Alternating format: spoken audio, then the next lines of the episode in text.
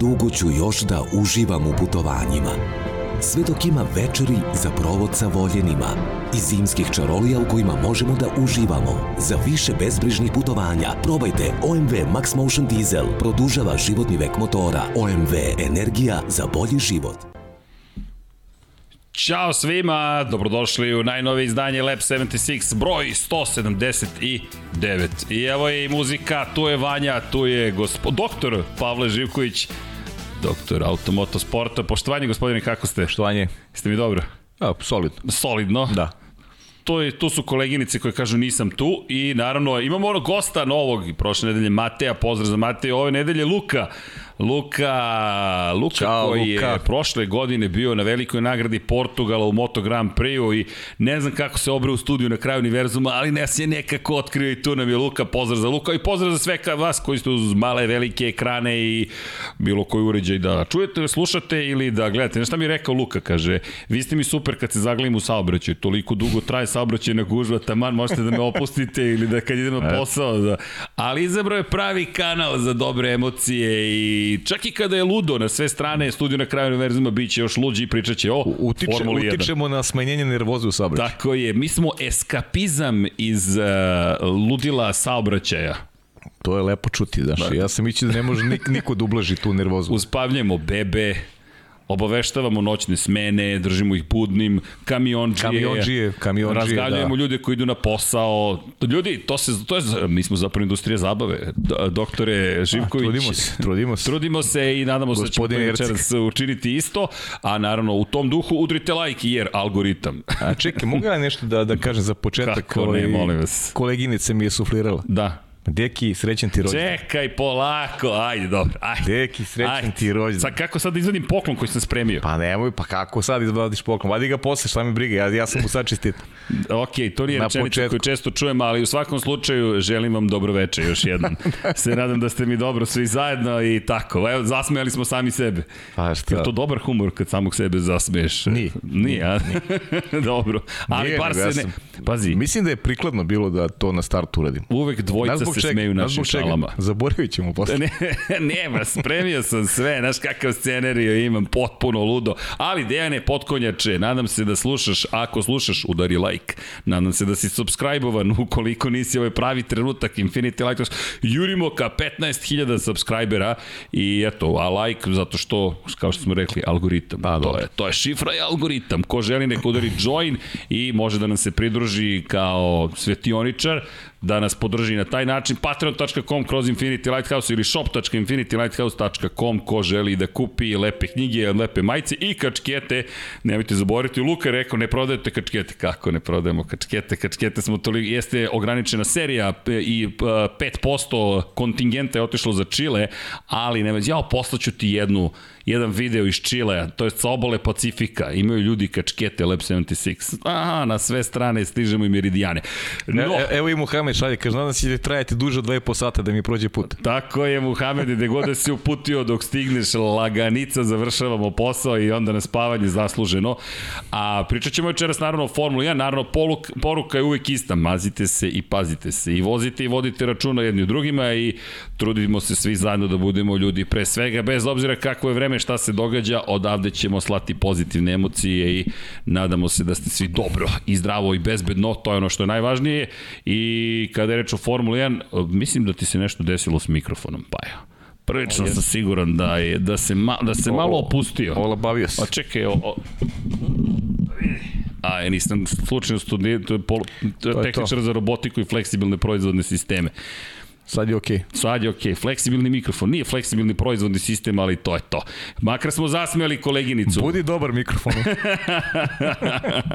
Vanja se jedino ne sme, ne znam šta mu je večeras. A dobio, Ozbiljio se, Pazi. Luka je donio inače poklon za 99 yardi Washington Redskinsa. To su sada Washington Commandersi, ali, e, znaš ko je vodio Washington Redskinse? Joe Gibbs. Stvarno? Četiri titule su osvojili sa John Gibson. znam, znam da je, da je bio NFL-u, ali Osvojio nisam znao četiri da je... Superbola. Eto viš. Kultna ličnost NFL-a. Inače, Washington pod njegovim rukovodstvom bio. Podsećaš me na prenos koji sam radio u Tako nedelju. izvini, Aha. nisam mogao da ti pravim. Mogao sam ti pravim društvo, sam potpuno smetno suma, prepremao sam se za, Dobro, za okej. Katar i ostale stvari. I, Zapamtit ću ti, dobro. Da, i, i, i onda shvatim negde u, u podne sutradan da si bio solo u kabini. Tamo sam mogao da uskočim, nije bilo drugih prenosa, ali dobro, bit će prilike, ja se nadam. I tako. I to je bio uvod. I mogli bismo i da krenemo polako sa Lab ajmo, 76, ajmo. a naravno, ukoliko želite nešto pozitivno, šta pričamo stalno, 917 na 30 30 u Srbiji, Human 917 na 455, pa da počnemo sa Formulom 1, opet ćemo malo da crtamo, e, dobio sam primetbe, malo deblja olovka da bude i da manje krugova pravim nego da nacrtam jedan krug po mogućstvu, da može da se jasno vidi šta ja tu pišem i crtam potrudit ću se da tako bude. Pozdrav za Vesnu koja je uputila te povratne informacije, pozdrav i za Borisa koji je preneo te povratne informacije i tako. Vanja, šta ti kažeš? Hoćemo da krenemo? Pa jo, nazad mi u... E, pre ne, ne, pre nego što krenemo. Ljudi, Hasan Bratić nas je lansirao u stvarno stratosferu. Zahvaljujući Hasanu Bratiću, pozdrav za Hasana Bratića, našeg dragog kolegu i prijatelja. Puno pozdrava je imao od svih za nastup u četvrtak, pa to je bilo tek u četvrtak, ali da. je stvar u tome što nam je zahvaljujući njegovim fotografijama otvorena potpuno nova dimenzija analize stvari koje volimo da radimo i sada imamo mogućnost da koristimo fotografije za koje, na, za koje smo bili zavidni ostalim medijima. Sad ćete da vidite kako je to izgledalo poslednjeg dana testiranja koje smo propustili, koji se desio dan kasnije. U petak, kada su testirali po kiši, zašto je to važno? Zahvaljujući tome što smo na neki način dobili neku vrstu vazdušnog tunela i mogli smo da vidimo sva ona vrtloženja o kojima smo pričali i naravno ta priča o morskoj prasadi. Inače, gospodin Luka je upravo, znaš kako smo se upoznali? Stojim... Da pro, prodao ti neko morsko prase šta? Pa recimo, recimo, stojim i nešto radim i prilazim i Luka i kaže, ja samo moram da se javim oko ovih morskih svinja, neki klip je isekao gospodin i poslao. Efekat morskih prasadi, to je svinja, postoje jedna od najvažnijih priča u Formuli 1, pa je.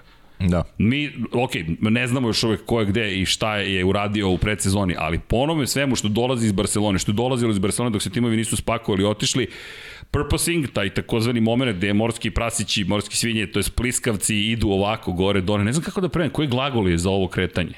Delfin stil, šta? Pa, Poskakivanje. posk, može, da. Poskakivanje, ajmo, Može. poskok, poskakivanje. Elem, poskakivanje je postalo jedna od najvažnijih stvari. I nekako naslov bi zapravo trebalo da glasi ne, ne, ne postoji dvostruki difuzor. Ne, neće se izgleda pojaviti Bron Grand Prix 2009. koji ima jedno inovativno tehnološko rešenje, već izgleda će pobednik biti onaj koji je izbegao negativan efekt tog poskakivanja. A za sada deluje da je to McLaren ni manje ni više tim koji je najbez, najstabilniji bio. Naravno, ljudi, mnogo je rano za ozbiljnije zaključke, ali činjenice da eto, imali smo priliku da vidimo da je to jedna od stvari koja je napravila problem Alfa Romeo, raspadao im se bolid, otpadali su delovi i Alpini takođe su otpadali delovi zahvaljujući poskakivanju. Šta je poseban problem i zašto se toliko priča o svemu ome, nije lako rešiti taj efekat poskakivanja koji stvara, koji stvara efekat tla. To je nešto s čim su se suočavali bolidi krajem 70-ih, početkom 80-ih. Stvari u tome što da biste ga izbjegli, morate da podignete bolid. Kada podignete bolid, smanjujete efekat tla, postaje bolid sporiji automatski i cela priča je da li da žrtvujete pola sekunde po krugu da biste bili stabilni ili da svoje vozače dovedete u situaciju da zaista upravljaju jednim vrlo zahtevnim bolidom, pogotovo što su mnogi od njih se žalili na problem sa opšte gle, pogledom na pistu i vibracijama koje su uticale neprilično negativno na vozače. Tako da, eto, malo ćemo se time pozabaviti, ali da zaključim pre svega i dalje je mnogo rano. Tek kada vođemo Pa trku u Bahreinu. Da, da. To je bukvalno suština, ali eto, da, da pohvalimo McLaren za ono što je učinio i da vidimo da, i vidjet ćemo naravno da li je to što su radili nešto što bi moglo zaista... Pa pre, pre ta testiranja u Bahreinu koja, koja će nam poslužiti za, za neku ozbiljniju analizu. Ali opet ni, ni nakon njih nećemo imati jasan uvid u to šta, šta je zaočekivati tokom ove godine. Ne. Pogotovo što su eto ta neka završna testiranja u Barceloni opet navela na onaj zaključak koji smo imali iz kraja prošle godine da ovi najbolji timovi će opet imati prednost za videli smo to po rezultatima Mercedesa i, i Red Bull je bio prilično brz tog posljednjeg, posljednjeg dana, tako da ne verujem da će se nešto dramatično promeniti, ali svako postoje te priče koje si naveo za, onako, za analizu i Ferrari dobar, McLaren dobar, tako da to su te neke priče da, da. koje nam daju nadu da, da neće baš biti sezona jednodimenzionalna kada pričamo iz perspektive Mercedes i Red Bulla, već da će tu biti šanse za, za neke ostale, za neke druge ekipe da, da malo ozbiljnije E, prokreće sebi put ka, ka tim visokim plasmanima. E, u svakom slučaju, kada pričamo o onome što se desilo, čisto da iskoristimo priliku eto, da pohvalimo McLaren, pozabavit ćemo se Alpinom, to je jedna bila od stavki koju ste nam ne zamerili, ali rekli, gde je Alpina ljudi? Pozabavit ćemo se Alpinom, Alpina je bilo u ozbiljnim problemima, ali ne bih da krenemo od kraja nekako, volio bih da istaknemo McLaren, pa da se onda prebacimo malo na Alpinu, na Alfa Romeo, pošto, pa i možemo reći Aston Martin koji ima probleme. Zašto McLaren? Zato što Deki A, hvala Vanja. E, ovo je super za crtanje. Ljudi, obrat Hasane, hvala ti. Jeste, moram da... Inače, e, to Vanja, hvala. Ja, znaš šta bismo mogli pre toga, izvini? Možeš pokažeš kako je uopšte nastala vlažna staza u Barceloni? Jel imaš to? Ja, Vanja, ti si legenda. A Hasan Bratić takođe velika legenda. I samo sekund, molim vas. E, kako nastane staza koja je pokrivena inače vodom. Inače, javljeno se sa nekoliko stvari, sa nekoliko mesta svi mogući ljudi, Dejan Potkonjak pre svega, ajmo ključna vest. Čekali smo zapravo komisija da se oglasi tokom, večer, tokom večeri, tokom celog utorka zapravo, koji je svetsko motosport veće je sazvano i predsednik FIE, Mohamed Ben Sulaim, je izdao sledeće saopštenje. Dakle, ovim moramo da se pozabavimo, nećemo bežati od teme koja je najaktuelnija, a to je da li će biti dozvoljeno ruskim vozačima da voze ili ne.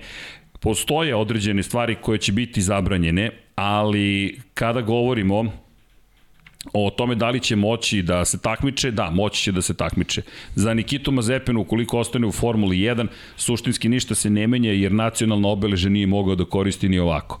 Zahvaljujući nekim drugim kaznama kojima je bilo iz kojima je bilo izlož, kojima su bili izloženi sport, ruski sportisti, ukoliko ste obratili pažnju ruske zastave nije bilo. Jednostavno Nikita Mazepin je vozio bez nacionalnih obeležja i to je jedna od ključnih stvari. Dakle, nekoliko stvari se su saopštili večeras. Neće biti međunarodnih takmičenja u Rusiji ili Belorusiji do daljnjeg. Neće biti intoniranje himne Rusije ili Belorusije na međunarodnim takmičenjima do daljnjeg, niti njihovih nacionalnih simbola. Dakle, neće biti nacionalnih timova koji će moći da, da učestvuju iz Rusije i Belorusije u međunarodnim takmičenjima. Dakle, FIA Motorsport Games do daljnjeg, na primjer. Dakle, ništa što je pod okriljem FIA. Pa znam, do daljnjeg. Počnuli sezonu bez njih, manje više to je, izgubljena to je to, godina. Izgubljena godina. Zatim, ruski i beloruski vozači, i, e, zatim individualni takmičari i zvaničnici moći će u neutralnom kapacitetu da nastupaju pod zastavom FIE. Dakle, imaće, morat će određene stvari da prihvate kao uslove, principi mira i političke neutralnosti do daljnjeg, neće biti nacionalnih simbola, zastava, niti uniforme, niti opreme, niti vozila, neće biti intoniranja himne pa, no, do je, daljnjeg. To je, to je bolje nego popuna eliminacija. Tako je. I i ima tu još stvari, dakle predsednici Rusije i Belorusije moraće da se privremeno sklone iz sa svojih funkcija u članstvu Međunarodne olimpijske federacije. Dakle, šta još imamo? Neće biti dodeljene nikakvi, nikakav novac neće biti dodeljivan niti članovima FIE iz Rusije i Belorusije i neće biti isplaćene takođe ono što, osta, što su ostali dužni iz FIE prema članovima iz Rusije i Belorusije. To će još morati da prođe kroz veće za turizam i mobilnost automobilizmu, automobila, a sa druge strane sportski kalendar, dakle, otkazana je velika nagrada Rusije, a pod razlogom je navedena viša sila. Tako da se time izbegavaju brojne pravne posledice, prosto je ovo obeleženo kao, kao viša sila. Dakle, cela situacija koja se dešava. Eto, da, da ne pobegnemo od teme koja evo, pre 25 minuta je stiglo, Dejan Potkonjak je poslao, svi smo dobili na e-mail, ali eto, prosto dok smo se pripremali, to je bilo 8.51, nisam stigao odmah da pročitam, hvala koleginici za skretanje pažnje, tako da će biti dozvoljeno ukoliko Mazepin sadrži svoje sedište, moći će da vozi. Pa, da što je tu ključna stvar? Manje je bitno to njegovo poreklo sad u ovom momentu, već da li će imati sponzore. Što je, to je poenta cele priče. Ural Kali. Jer, Ural Kali, jer iskreno ti kažem, pokušavam se stavimo poziciju Hasa. Šta ukoliko Has bude primoran traži novog sponzora? A taj sponzor traži od, od Hasa da vozi vozač koga oni žele. I tu automatski dolazimo na teren onoga što je praksa već u formuli duži niz godina.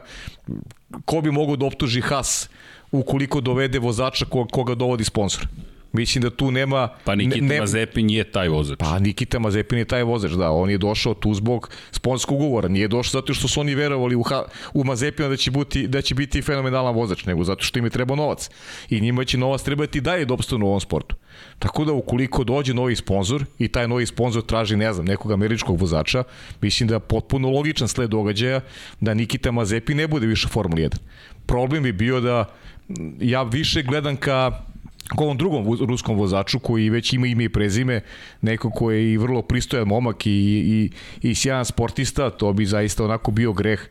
Šta je, šta je on dečko kriv za, za, za, za celu situaciju i zašto njemu uzimati ovaj uzimati posao, mislim da to bi bila zaista nepravda. I, i to je to je ono što što možemo da poručimo svog mesta, mislim, te represije prema sportistima mislim da su potpuno potpuno nepotrebne, ali ne pitamo se mi ništa, možemo samo da konstatujemo. Pa možemo se vratiti na konstataciju od prethodne nedelje. Bilo bi Bukvan. najbolje da političari to... Da, oni uđu u kavez i da... I da reše to i, da, reše, i da ostave sebi i da, da ostave ljudi na miru. Normalne ljude da žive svoje živote i to je to. To je to. I... Mislim da niko ne bi ni gledao taj njihov okrš, ne bi niko zanimalo uopšte. Pa možda bi bilo zanimljivo. Me, mene bar ne bi, ne bi ni gledao. Povremeno pogledaš i kažeš... Ma ne bi me zanimalo, verujem, uopšte, ne bi gledao.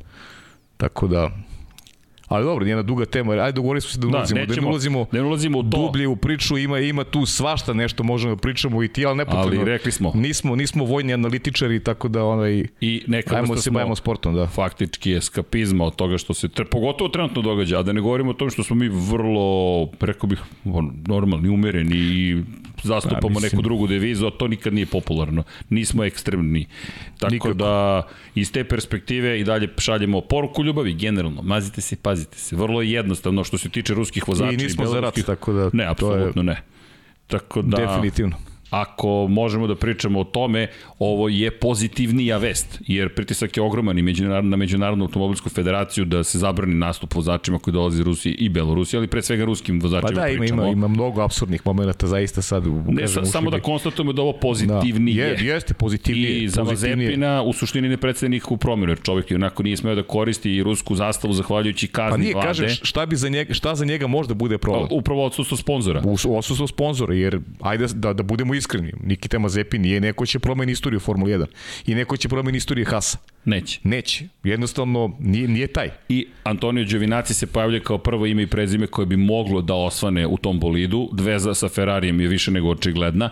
Pored toga, Haas je tim kome treba iskusniji vozač. Budimo realni, Mick Schumacher nema još dovoljno iskustva. Bolid je imao puno problema u Barceloni, nije se pojavljivao na stazi, otpadali su delovi, imali su probleme sa pumpom za gorivo, ali ono što je zanimljivo, mnogo timova se fokusiralo upravo na to kako izgleda Haas i smatraju da neka od rešenja koje su primenili u američkom timu su vrlo inovativna i žao mi je što zapravo nisu imali više vremena na stazi. Tako da čak i najskeptičniji očekuju od Haasa da ipak bude mnogo bolji nego što je bio prošle godine. Pa to je na priča, kasnije da je zavrtimo ima tu 3-4 tima koje su baš imala probleme i, i probleme i, i možda i lošu sreću i nedovoljno, nedovoljno pripremljeno za, za sve što se, oni su baš izgubili mnogo. E, e, mislim da su oni jača priča od, od ovih koji su Jest. odradili posao. E, samo Ferrari sam... koji je skoro 500 krugova imao, tako je. Mercedes nešto manje i tako to dalje. To je, upravo si 100%, samo sam hteo par stvari. Dakle, Antonio Giovinazzi koji je trenutno u Formuli E, postoji šansa da stigne u Haas, poznaje Ferrari agregat pogonsku jedinicu poznaje, koja jeste izmenjena, ali i dalje poznaje njen, njenu osnovu. Pored toga, postoji tehničko-tehnološka saradnja između Hasa i Ferrarija već duže vreme, od kada je Hasi ušao u Formulu 1 i pored toga Ferrari bi mogao, tačnije čak vidim da, da i Liberty Media ima obavezu prema Hasu, da toj ekipi pomogne u ovom trenutku. E pa, to ste ti kažem, to je, to je u stvari najvažnija stvar. Tako je. Ukoliko Liberty Media želi da pomogne. E, to ne znam. Jer, jer, jer Antonio Giovinazzi sa sobom šta vuče? Samo ime Ferrari, ali Ferrari neće da e, gurne 30, da gurne 30 miliona u Haas. Mislim, to, Neće se desiti. To se neće desiti sigurno. Neće se, bukvalno se neće desiti. Imamo, kažete, u Fioku 99 yardi nije se desilo. Imamo i neće se desiti, desilo i desit će se. Ovo je Fioka, neće se desiti. Pa neće sigurno, Neće da. se desiti. Tako da gled, držimo palče da će Haas naći, jer ovo može da uništi Haas. Može da uništi Haas i zato kažem, ja potpuno razumem Haasu koliko se iz tih sportskih, ekonom, sportsko-ekonomskih razluka odluče da zameni Nikitu Mazepina I to nema nikakve veze sa politikom, ima, ima veze sa njihovim opstankom. Jer oni nisu stabilna ekipa finansijski da mogu tek tako da, da kažu ovaj, nas, nas ne dotiče ovo što se priča, idemo dalje. Ne, oni i tekako zavise od, od toga da li će neko da uloži novac u njihovu ekipu. A znaš šta mi je zanimljivo? Michael Andretti, koji je saopštio prošle nedelje da je tražio da formira ekipu Formula 1 sa sedištem u Sjedinjenim američkim državama, koji je spreman da plati 200 miliona dolara za osnivanje ekipe, koji je rekao da će investirati još 100 miliona dolara, 140 dolara, miliona dolara je ovogodišnji, ovogodišnje ograničenje budžeta bez plata. Dakle, imaju novca, rekao je da je pet puta, čak šest, kada je pričao sa autosportom, to je motosport.com preneo, autosport pripada njima, dakle celoj toj mreži, rekao je da je pet ili šest puta pitao Gina Hasa da mu proda ekipu. Gene Haas neće da proda tim. Mene Pavle to šokiralo. Pre čemu Michael Andretti nije bilo ko, to nije čovek koji olako daje izjave. Rekao je da Haas nije spreman da proda. Meni je to nevro, neverovatno. Delovalo mi da je Haas odustao od tog tima, dolazi Andretti, nuditi novac i ti kažeš neću. Pa ne znam, ne, mislim...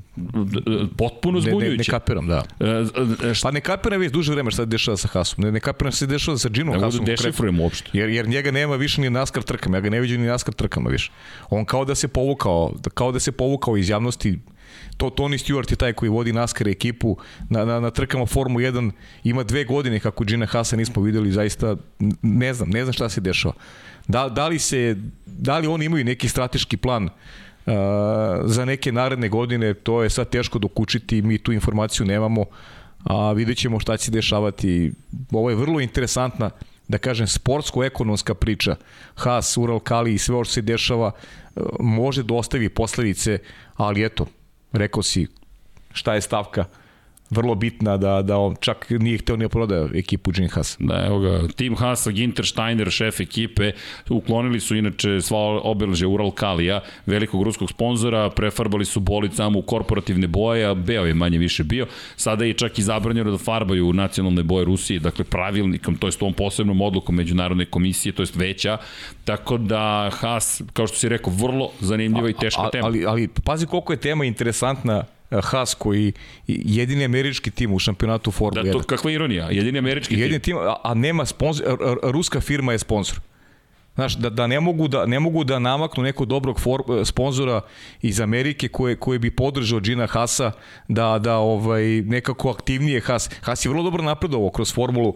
E, sećamo se tog perioda koliko je dobro spoznao situaciju Gene Haas, kako je napravio konkurentan bolid i ta priča imala, ja sam mislio da će Kevin oni... Magnussen i Roman Grožan. Ja, ja sam mislio da će Haas imati neku ulogu Toyota iz onog vremena u nekom budućem periodu, Pazi, ali očigledno se to nije dogodilo. Da. Ni manje ni više, sina velikog Mihaela Šumahera i čoveka koji je osvojio titulu šampiona sveta pre sada dve godine u Formuli 2, Nikita Mazepin stigao iz Formule 2 kao sin sponzora svakako, ali stekli su jednu godinu iskustva, nijedan ni drugi nisu dovoljno iskusni, još uvijek malo krugova i mnogo, mnogo priča. Pri čemu, kažem ti, napredan bolid, tako izgleda, makar bolid, samo što nije se pojavio na stazi.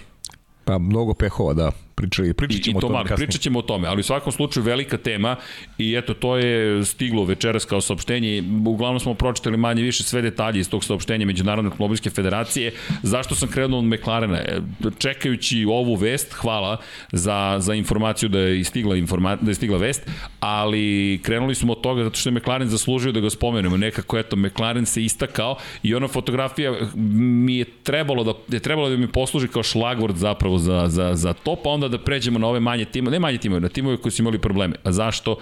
Pa, ajmo da iskoristimo samo ovo. Obratite pažnju, Hasan Bratić, kažem vam, do, u stratosferu nas je lansirao, zahvaljujući tome što legalno možemo sada da radimo neke stvari. Obratite pažnju samo na, da vidimo, na ovaj deo ovde, ako, stvari, da li ću moći, e, možeš da obrišeš ovo vanja, molim te. Samo obratite pažnju na ovo, a, molim? Ne, ne, e, možeš, podebljaj. Ako je već dama tražila da podebljamo da crtamo flomaster, onda ćemo to i da učinimo. Hvala, Vanja. To, Vanja, to je već bolje. Mogu? Hvala. Dakle, imamo, čekaj, gde sam, nemam pojma. Negde sam otišao van ekrana, verovatno. E, to, hvala, Vanja.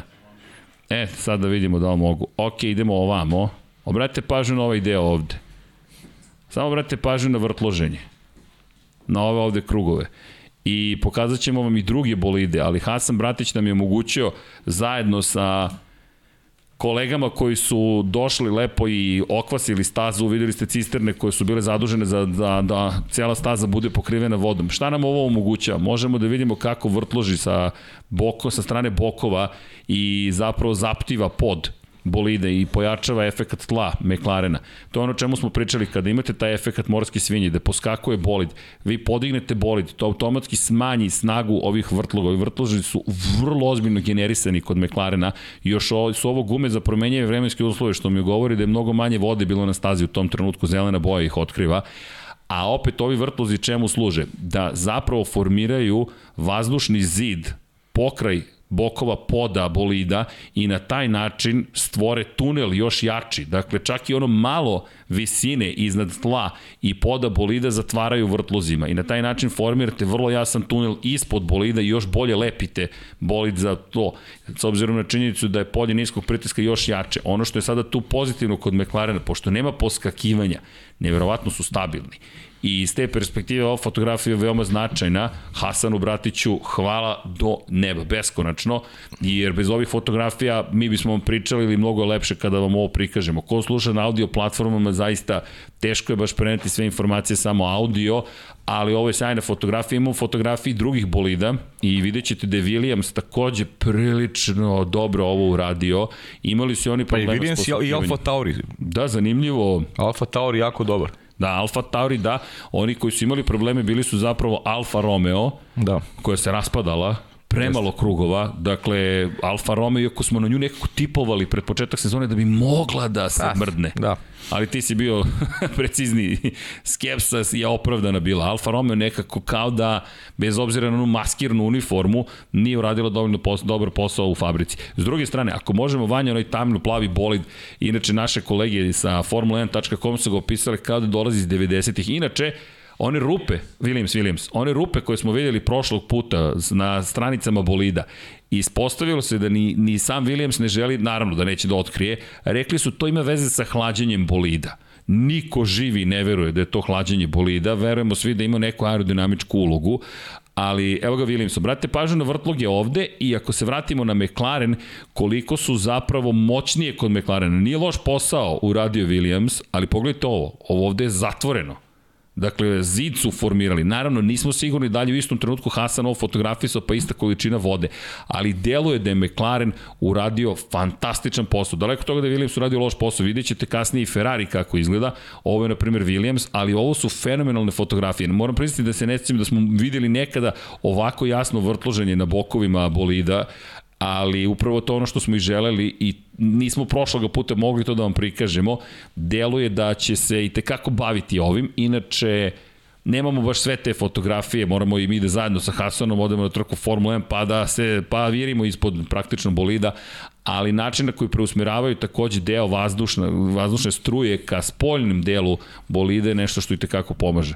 Ako bu, da ubaciš, molim ti, Ferrari, e to, evo ga i Ferrari, a, a pri čemu ovo je sa plavim gumama, ovo su gume kada je, verujem, bilo mnogo više vode na stazi, naravno nisu svi pri istoj brzini, nije svugde isti ugao, ali može lepo da se vidi zapravo šta se događa I eto, to su neke lepe stvari koje smo u prilici da vam prikažemo zahvaljujući Hasanu Bratiću. Naravno, više ćemo se danas baviti nekim drugim bolidima, ali čisto dodatak onome što ste mogli da gledate i prošli put i vidite. A što se tiče Rupe Williams, eto, čekamo da je otkrijemo zašto je tamo i, i šta se tamo... Inače, kažu svi da je Alex Albon mnogo zadovoljen i srećan što je ponovo u Formuli 1 i da je tim da. generalno oduševljen njegovim pristupom. Da, jako ima jedno izletanje, ali dobro, to je onako i posljedica posledice i želje da, da, da odradi te testove na, na najbolji mogući način i Vratim mi samo na Ferrari, da eto konstatujemo 439 krugova, to je najviše što da, je neka da, da, ekipa odvezla, dakle Ferrari pouzdan, to je to je ono što im je bila ideja, neka verujem da provedu što više vremena na stazi, u tome su uspeli. Nekih 30 i kusur krugova manje je vozio Mercedes i Mercedes koji je tog posljednjeg dana bio i najbrži. Uh, Lewis Hamilton i i George Russell, ali pričali smo o tome da, da ne stavljamo mnogo pažnja na, na rezultate, ali eto možda se da se otkrije da, da ćemo u Bahreinu dobiti mnogo, mnogo uh, onako veće vrednosti kada govorimo o rezultatima i možda napravimo neku sliku oko onoga što, što treba očekivati na početku sezone tamo od 20. marta. Da, još uvek je, mnogo, mnogo je teško reći uopšte Teško je, da, pa šta baš nas je teško. očekuje, ali nekako eto, još uvek smo gladni svega, međutim sad se već brižimo polako sezoni. Neki zaključci postoje. Pa evo, pa mi u martu smo, ljudi. To je to. E, znaš zašto sam hteo McLaren da prikažem? Ajde, kaži.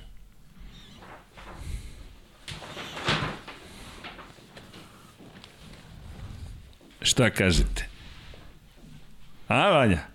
Deki, vidi šta te čeka da slažemo. To ti je poklon za rođendan. Da dođeš u studio i da slažeš McLaren od samo 1432 komada. Dođi odmah, deki. McLaren Formula 1 Tehnik, svetska premijera, studio na kraju univerzuma, To je sve sređeno, dakle, imali smo na vezu tamo, negdje jeste da opet večeras nije to, Dom Pablo je to završio, kaže za starije od 18, pa jo, Pa ja ne bih mogao. ne bi ti mogao. Ja ne mogu da učestvujem. Luka, morat ćeš da izađeš. Tako da, evo ga Luka- McLaren, gde ste McLarenovci? Luka, ja ćemo smislimo neke druge igre. Čekaj, očekujem sada od svih McLarenovaca koji su nas kritikovali da kažu kakvi ste vi carevi. Ta, to u chat. Pa da, o, pa da, ima. Šalim se, ljudi, mi se samo šalimo, ali stigao je McLaren i da, E sad, patreon.com kroz Infinity Lighthouse. Svako ko nas je podržao, zahvaljujući vama, možemo ovako da se lepo zabavimo između ostalog. Ali mi bismo se inače zabavili da nas ne podržite. Tako da, dobro. igrački će uvijek biti tu. Nego dobili smo gume za, za kišu. Morat ćemo ovo da sklapamo po vodi. O, ovaj sto moramo zaštitimo prvo. Vanja, mo... I, kako? 3D kiša. Pa dobro, donećemo ćemo neko crevo, pa ćemo napravimo ambijent. To ti kažem, ja Deki ima akvarijum, on je ekspert za akvarijum. Ja Deki ovde da napravimo neki mini akvarijum i onda potopimo McLaren da vidimo da li ove gume zaista izbacuju vodu kako treba. To sam teo ti kažem. Tako da Deki, srećan ti rođendan. Nadam se da si spreman. Spreman je sigurno. Čekaj, gde, gde, će, gde će moj McLaren? Evo. Opa. I za gitare. Iza gitare, tu je McLaren.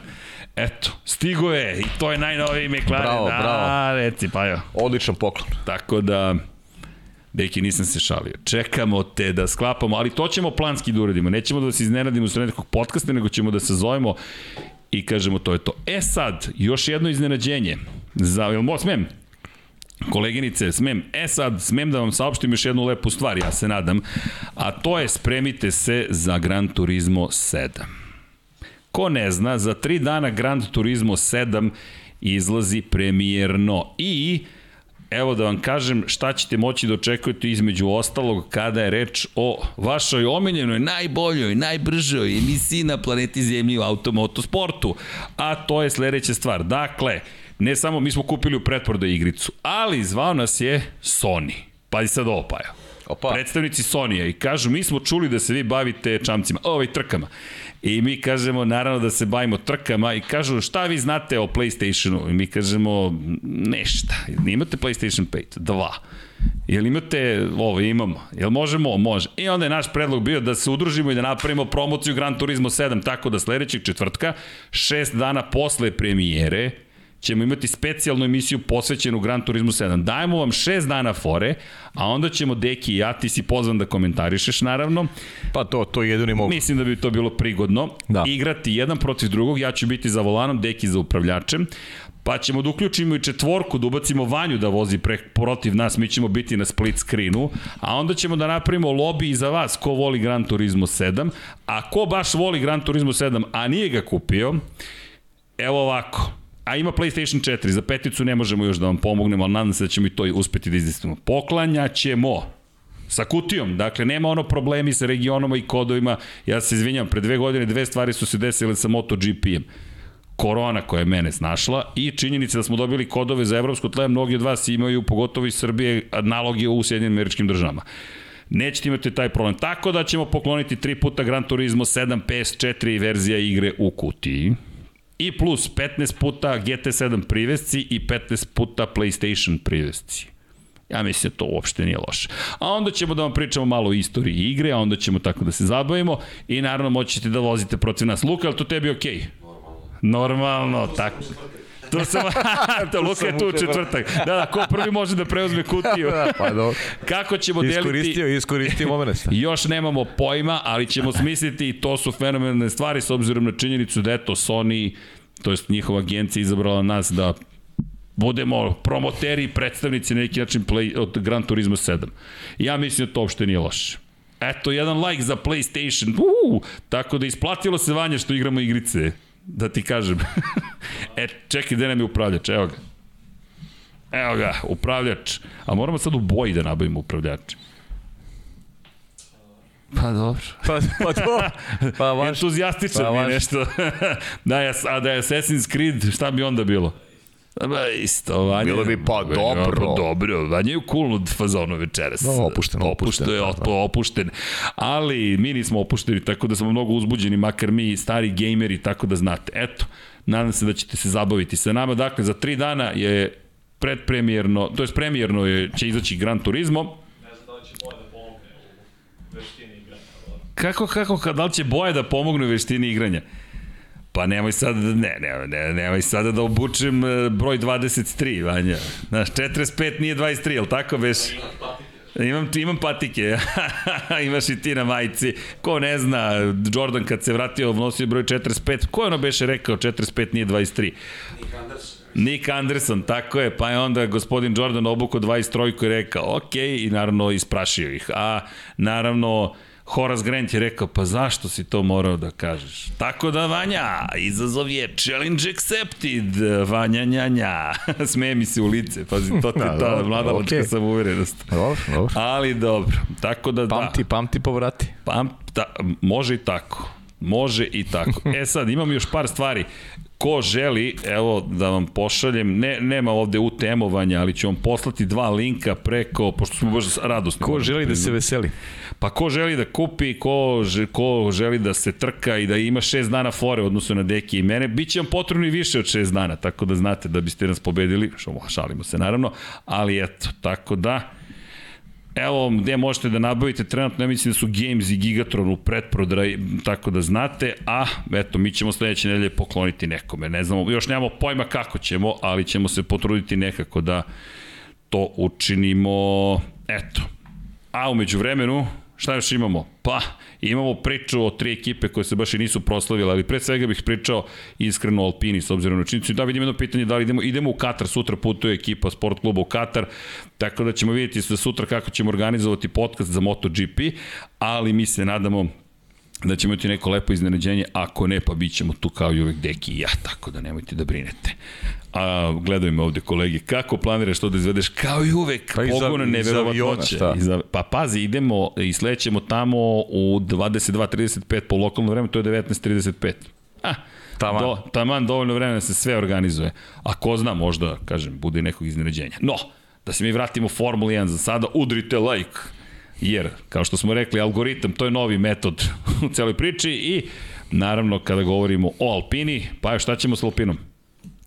Nije izgledalo dobro. Pa nije dobro, da. Mehaničari nisu imali, imali su previše posla, Imali su, bilo je tu i curenje ulje, bilo je tu svega, otkazivanje motora, otkazivanje motora, malo krugova.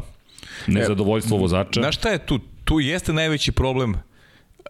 Nisu bitni rezultati, ali bitno je da ti odvezeš krugova Tako je. kako bi imalo ekipa informacije, kako bi se videla ta neka pouzdanost koja, koja je neophodna u jednoj sezoni koja će opet biti duga sa novim pravilima i manjak informacija definitivno iz perspektive četiri tima i to je nešto što, što njima zadaje problem. I zato sam i rekao, nisu bitni ovi koji su odradili posao.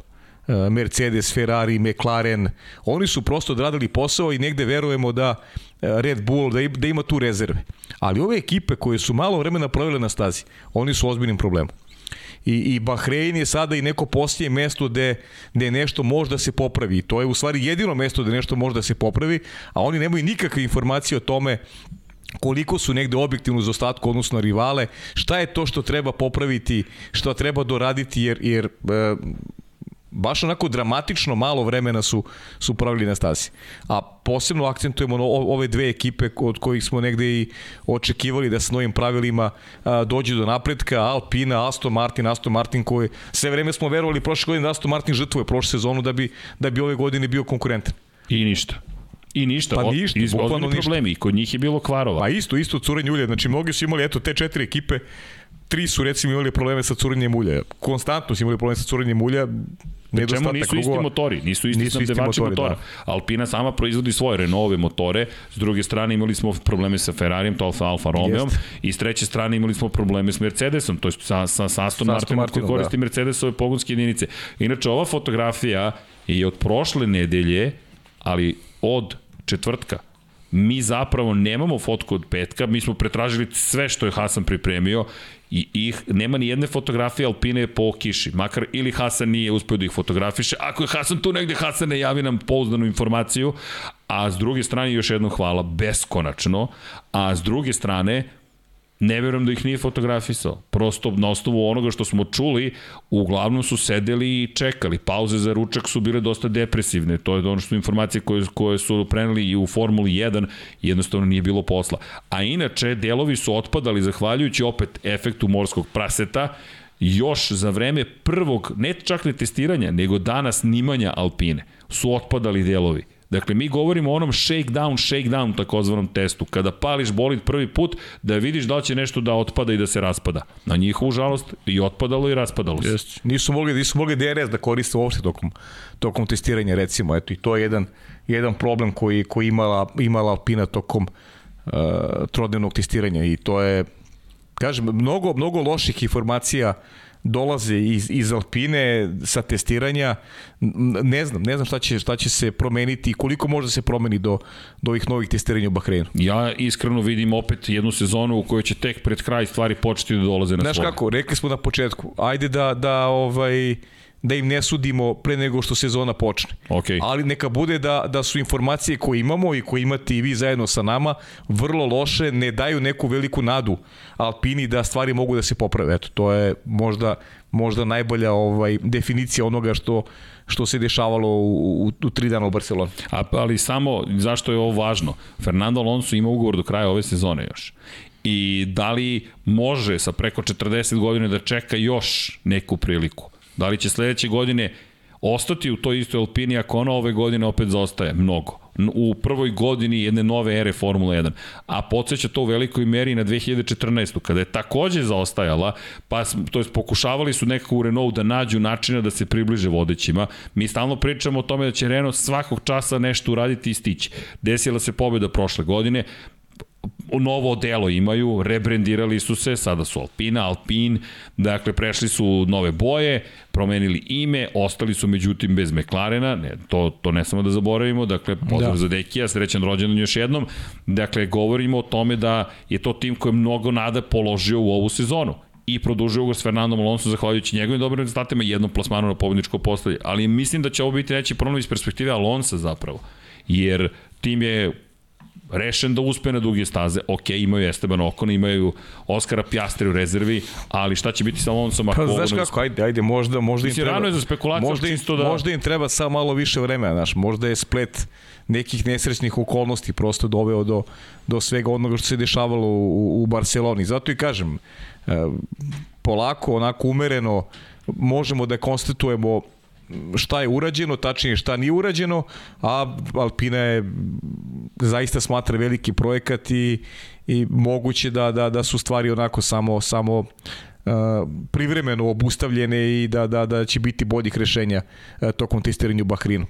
To je neka nada naša, realnost nije dobra, ali o tom potom, ajde da prođe Bahrein pa ćemo, pa ćemo malo više suditi o njima. Dobro, idemo korak po korak. Pa da, korak po korak, bez, bez da ih ovaj, usuđujemo u ovo vreme predsezonskih testiranja i rekli smo da nekako, nekako ta predsezonska testiranja mislim da, i, da im i ti ja dajemo sada najveći značaj i da je najveći razlog ta godina koja je bila fenomenalna prošla sezona neku, neka ranija vremena nismo toliko ni tumačili sve ono što se dešava a pritom naravno i nova pravila koja sama po sebi nude onako još jednu priliku da sa većim uzbuđenjem dočekamo početak nove, nove sezone.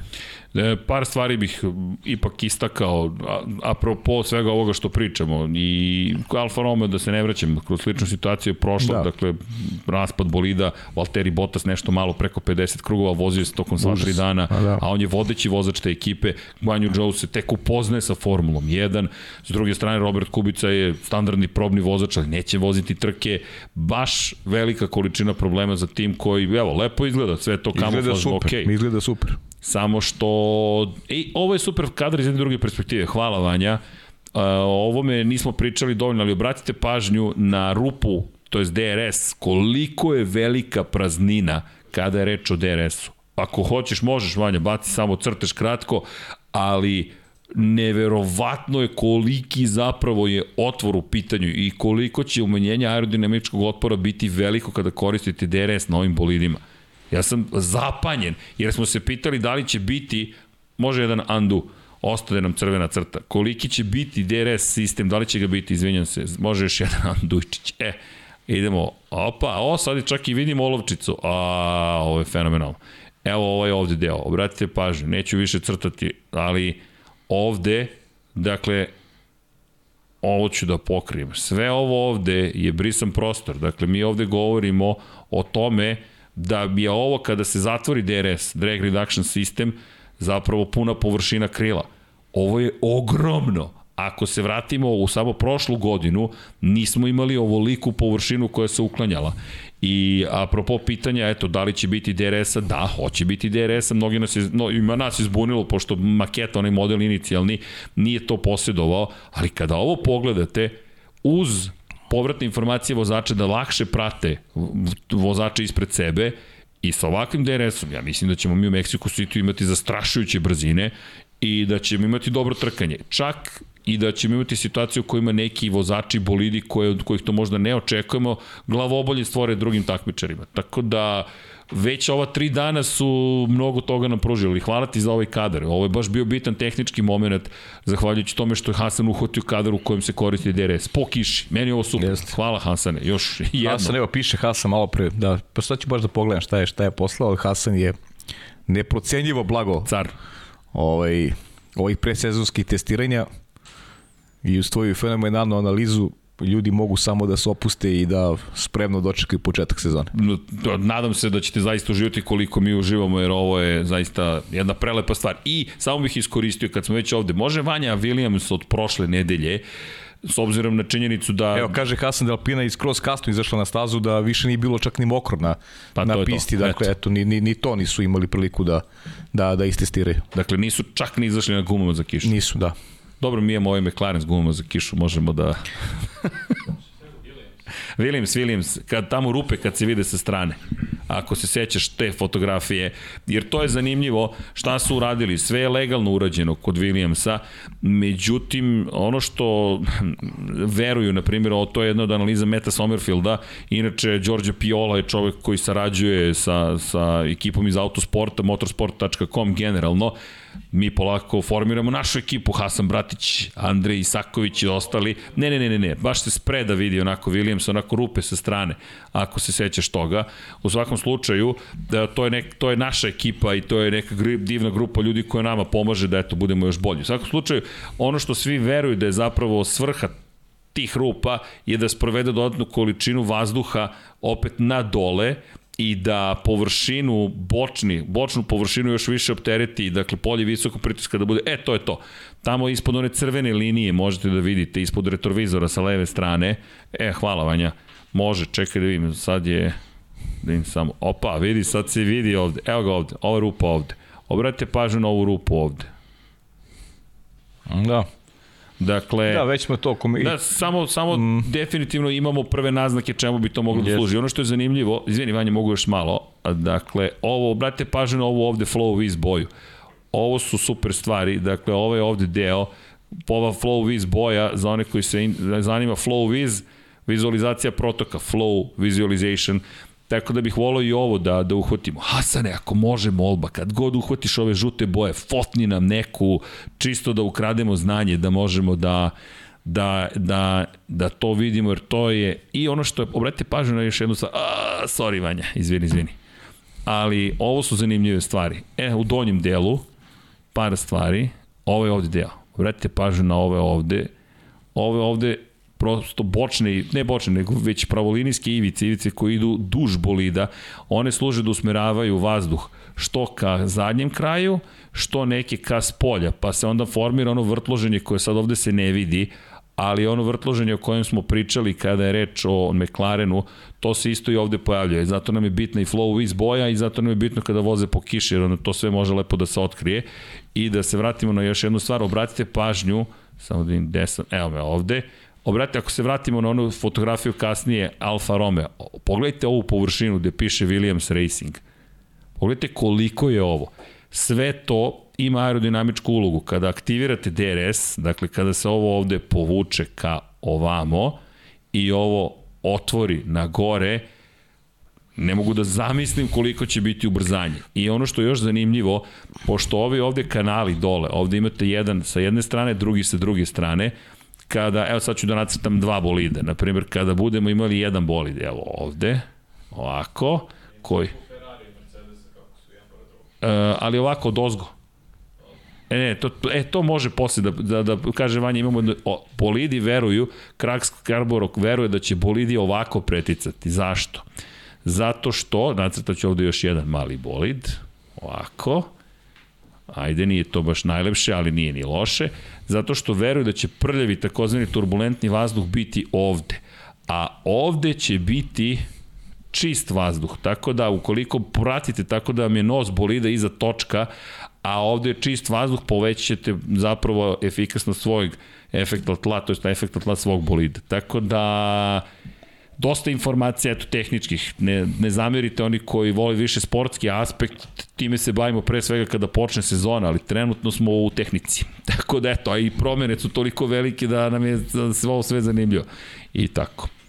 Ali hvala Hasanu još jednom, jer bez njegovih fotografija praktično ništa od ovoga ne bismo mogli ovako da uradimo.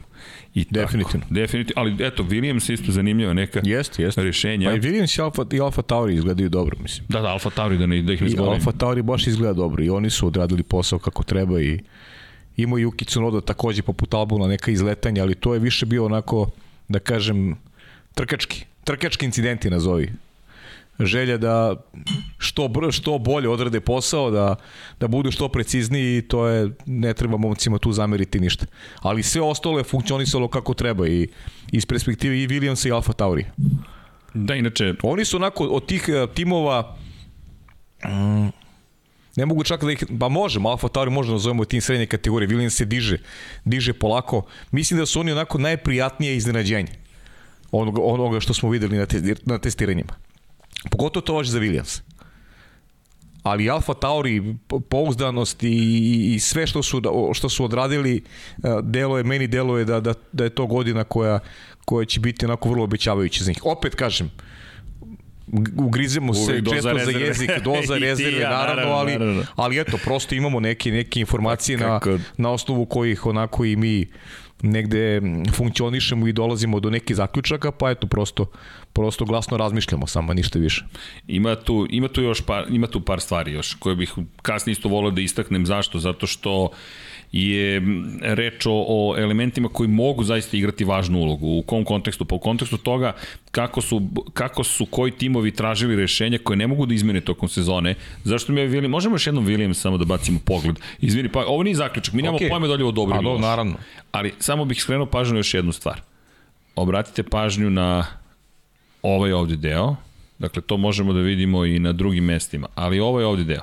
Ovo je otvor za vazduh, gore centralni, crveno, pa sad ja zaokružim crveno. Obratite koliko ovo sve ovde debelo, gde piše lavaca, jel te, a posjećam i da mi ispričamo zašto da pijete kafu na OMV-u. Ali je, vidi, kako sam uklopio, a? Lepo, Mislim da će lepo. biti zadovoljni. Dobro ti radi mozak. Da, da, da, dobar je, dobar je. Dakle, ovo je ovde veoma važno zašto? Da bi ove rupe ovde mogle da postoje, vi žrtvujete negde protok vazduha koji se obično koristi za hlađenje, elektronike, mulja, dakle, intercooler sistem je ovde obično. E sad, deluje da je Williams zapravo ceo vazduh rešio da sprovede odavde i spusti dole, spusti unutrašnjost svog bolida a to ga oslobađa da može ove delove da koristi više za aerodinamičke potrebe. Naravno, ovo povećava otpor vazduha, ali uvek negde dobijate, negde gubite, sve to igra kompromisa.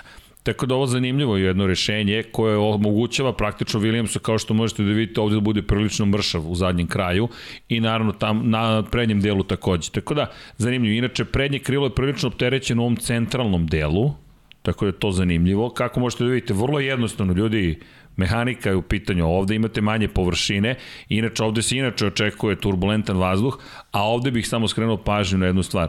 Ako se pitate čemu ovi blatobrani, pa blatobrani služe zapravo kada ovde guma grene da generiše vrtloge, zapravo da ih pošalje gore, to je da spreči to jest ovde će da udare praktično i da je trebalo bi da ih izravna i pošalje vam. Ovo su inače hladni, kočnice i hladnji, hla, oprostite, otvori za hlađenje kočnica, a ovo su kamere.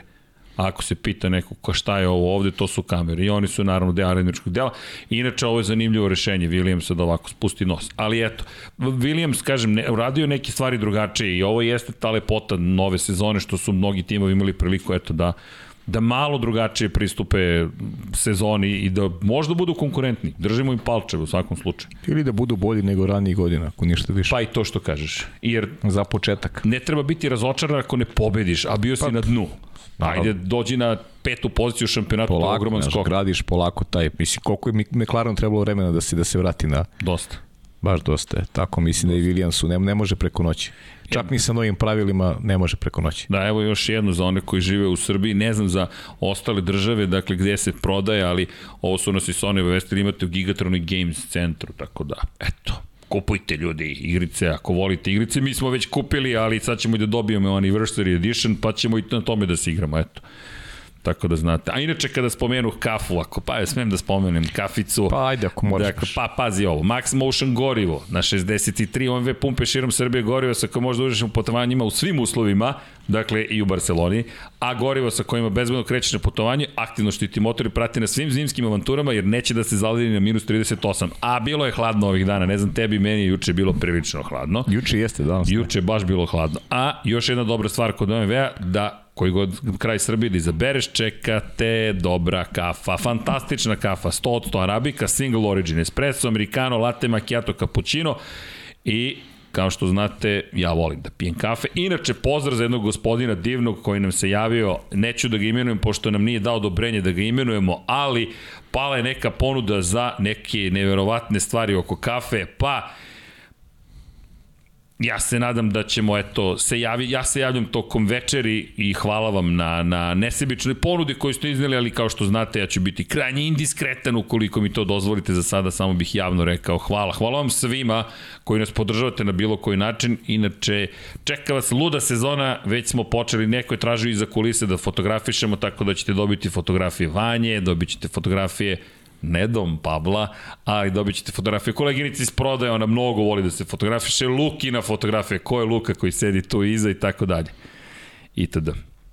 Ali, da se mi vratimo našoj, našoj priči. Ja mislim da smo uglavnom ispričali sve što se tiče pa da, testiranja. Ali nema veze, mislim. Ali ima lepih ima priča, tu. pa da, pričat ćemo. A ti ja volimo da pričamo. Da, nije, nije sporno. To, bar nam to ide od ruke. Pričat ćemo, da. Sti dobro inače. Jesam, ja sam spreman super. za novu sezonu. Jedva čeka, pravo ti kažem. Više volim. Si uzbuđen, ja pa, jedno da, čekam, viš, moram pa, ti priznam. Znaš kako, ja, ja više volim to kad krene akcija, znaš, interesantnije mi je mnogo. Ovo su pa, ipak, naravno. znaš, realno, teško je da teško je donosti neke zaključke i igramo se. Pro, eto, samo se igramo, bukvalno i ono što sam ti rekao, ti znaš ovaj šta ja mislim, ovaj ne, ne upuštam se kad si ti pored mene da govorim o što tim tehničkim stvarima. Svaka čast ovaj na Hvala. Na prezentaciji ovaj imam osjećaj kao da sedim sa nekim čovekom koji je u timu nekom u Formuli 1. Koji se školovao? Pa ne, ali stvarno svaka čast. Hvala. Ono, stvarno nema potrebe da ovaj, nešto se ja tu mešam sad. E, ja. pozdravio bih moje profesore iz srednje škole još, pa i sa Mašinca, pošto smo pa, mi zapravo... Maš, pa, ti si, ti si u osnovi Mašinac. Tamo smo bili, pa da. da. I pošto ja završio zapravo za tehničara za robotiku i fleksibilne proizvodne sisteme, pa smo mi radili na CNC strugovima i glodalicama još 90. I treba zahvališ profesorima. Pre nego što si se ti rodio, ti što mi pišeš video. Koji video? Pa pusti video. Jel treba neki video? Pusti Vanja, pusti Vanja. Video. Koliko dugo ću još da uživam u putovanjima? Sve dok postoje još neotkriveni predeli i sneg još uvek ne ukroćen. Za više bezbrižnih putovanja OMV Max Motion Diesel produžava životni vek motora. OMV Energija za bolji I posle što nisam diplomirao? Ja krenem o fakultetu, oni meni reklame. I, i, i tako. I da, svi u krug. I tako u krug i zato nisam diplomirao. Moj Srki, zato smo ti ja dobar tim. To Tako je, je. životna priča ista. da, da, da. Ali nemojte da idete našim putem, ne, to ne, smo ne, rekli sto ne, ne, puta. Nikada nemojte to da ponavljate, ne prepisujte, to je loše prepisivanje. Jeste. E, kada su me Loše zvali za drumsku strelu, kada su me pitali da li bih vodio program, ja sam im rekao odmah na početku, ukoliko želite, to jest ne, nemojte da diplomirate ukoliko želite da budete komentator, to jest ukoliko želite da zabavljate, ali šalim se, ja obožavam moj posao. Kako? Svi su odustali. Svi su odustali i rekli idemo u komentatore. Da. ne, šalu na stranu, diplomirajte. Ako ste krenuli to, Obavezno. to govori Obavezno. mnogo i o vama. To što sam ja večiti student, što smo pa ja imamo indekse, Ma to ne znači ništa. To vam je besmisleno. To je neko drugo vreme, ali to nije opravdanje ni za Paju, ni za mene. Bilo je jednostavno. Imate tri stvari. Posao, fakultet, noćni život. Dve Slušaj, sam mogao je- da izvedem. Znaš kako, ja sam imao neku svojevremeno, neku ponudu za neku školicu novinarstva da radimo, neka nevladina organizacija naša i da radimo školicu, ja budem tu glavni predavač. Ja sam to odbio. U prvi iz tog razloga, rekao, ljudi, ja nemam diplomu. Ne mogu ja da budem primer. I nisam primer. Primer treba bude neko ko je to završio, treba bude pravi primer, a mi ćemo se bavimo nekim drugim stvarima, put nas je odveo na, na neko drugo mesto Malo, do drugo putovanje. na neko drugo putovanje, znaš, ali mora, to mislim da je, Mora, mora. treba poslati tu jasnu podršku ljudima, mladima da završavaju fakultet. A i ako niste mladi, a završite I ga. ako niste mladi, Ako tako je. možete, završite, diplomirajte. Bukvalno. Moja mama i dan danas čeka da joj ja kažem kako sam se vratio Da. studijama i da ću da diplomiram. da. Ozbiljno. Pa Da, znaš je, i ona žena uporno, je, pa to me više ne pita, ali negde nada, tinja da će se to desiti. Avaj, majko, bojim se da... Treba slati prave poruke. Treba slati prave poruke, apsolutno. To. Apsolutno. Ja sam upisao i tehnološko-metaloški i japanski. Ba, to je- To je filološki. Da, ironija.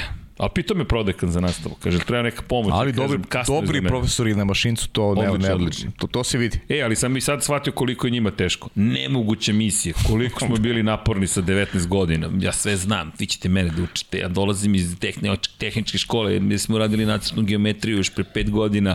Bla, bla, bla, bla, bla i tako dalje. I onda se posvađaš manje više sa svima. Elem, ima još vesti, a to je, apropo ovoga što ti rekao, da, da nemamo predstavu. I Carlos Sainz Da. je rekao, mi ljudi nemamo predstavu niko gde ne se ništa, nalazimo. pa niko ne da, sve ništa. ovo obećava, ali ljudi, da se ne lažemo, mi možemo samo i dalje da nagađamo, tako da bez obzira što izgledamo dobro, nema nikakvih ozbiljnih nava i ja i mislim da je Ferrari pametan što se suzdržava i stalno govori pa, Pa, polako, iskustvo, polako. iskustvo srđane, to E, je... jel vidiš? Pa moraju tako. E se sećaš pre koje, pre koliko, pet godina, Pa tako, su rekli četiri, to, pet, četiri recimo, ili da. pet. Možda četiri. Ferrari je stigao, Mercedes je A spori. znaš kako Ferrari imao, imao onu priču, on, on, one neparne godine, gde, gde, gde je bio dobar i onda u parnim bude loš. I sve tako godina za godinu. Jedna, jedna dobra, pa jedna loša. I jedna od tih parnih godina su najavljivali čudo, bili najbrži pre sezonskih testiranja, počela sezona i nije bilo nigde. Tako da sa tim nekim, sa to nekom onako povučenom ručnom mislim da moraju da, da, da, da pristupe jer moraju budu uzdržani, ne smeju da, da, da daju te neke, neke velike najave, glamuruzne uh, mic po mic da idu i vidjet ćemo koliko mogu sledeće godine. Mislim da bi sezona bila neuspešna ukoliko ne pobede makar jedno. Slažem se. Pobeda već mora da padne. Pobeda mora da padne, a Nema je predugo. vidjet ćemo da li ima materijala za nešto više. Baš je predugo nema. Jer ja iskreno ti kažem, onako, pričali smo, analizirali smo vozače, Charles Leclerc je iz mog ugla brži vozač od, od Carlosa Sainca, ali ne znam, ali ne znam koliko je kakav je kad je pouzdanost u pitanju i koliko može u nekom dužem vremenskom intervalu da maltretira po znacima navoda Hamiltona i Maxa Verstappena. E, to je nešto što možda bude problem dugoročne Ferrarije ukoliko jednog dana i dođi do do, do, do prilike da, da se umešaju u borbu za titulu. Ne znam da li imaju vozače koji to mogu da urade. U ovoj trenutnoj postavi, trenutnoj Pa konstelaciji to ono snaga. što smo pričali prošli put. Čekamo da saznamo. Tako Dugo je. nisu bili u prilici da se bore za pobjede prošle godine kada jesu.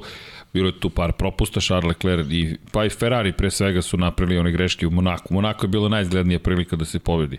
Charles Leclerc pogrešio u kvalifikacijama, Ferrari pogrešio što preko noći nije rekontrolisao bolid.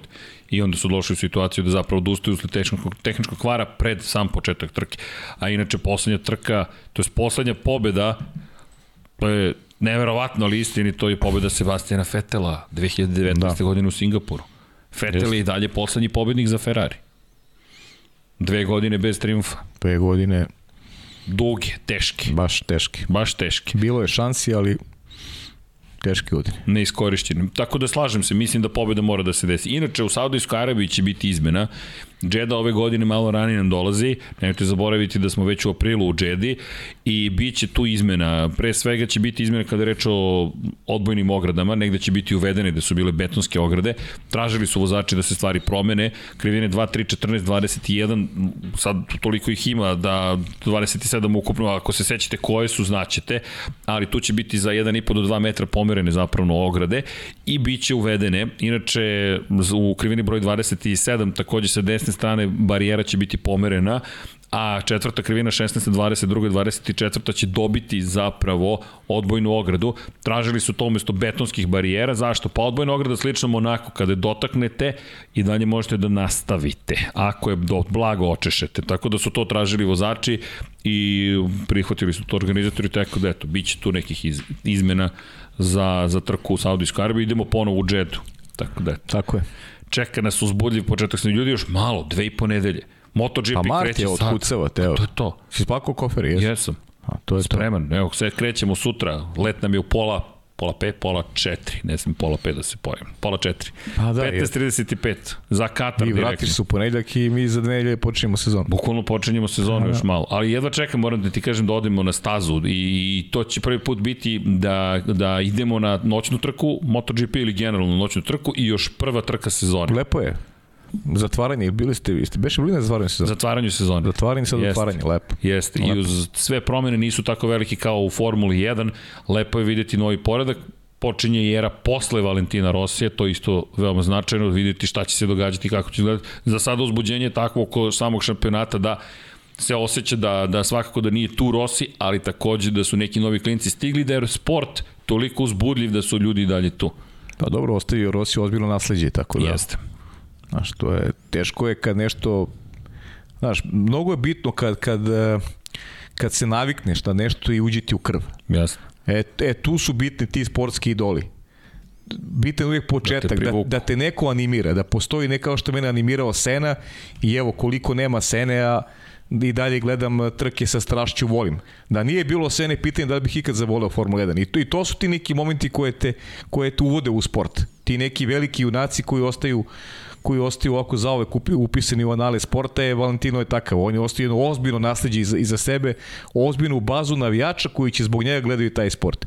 I zbog toga je bitan on, Formula 1 i Lewis Hamilton, zbog, zbog toga je bitan ovim mladim generacijama Max Verstappen i uvijek će biti neko ko, ko privlači, ko animira neki nove naraštaje da, da, prate, da prate ovaj sport. I, I zato tim velikanima treba pričati sa velikim poštovanjem i negde ih negovati, negovati u smislu da da potraju što duže jer su prosto prosto neophodni sportu. Pa kad već pričaš o tome, danas je Dekijev rođendan, a 21. marta za Senin rođendan izlazi knjiga Dejana Potkonjaka u izdanju Infinity Lighthouse. Tako šta, da, drugo? ne postoji ništa drugo. Tako da očekujte za manje od tri nedelje, Deki je već sve završio, a ono što ja čekam, nadam se sledeće nedelje kada se vratim iz Katara, put za Kragujevac, u štampariju da slikamo prve fotografije papira kako se štampa Eto, Valentino Rossi. Promašujemo se, idemo u četvrtak. Ideš sad? Da.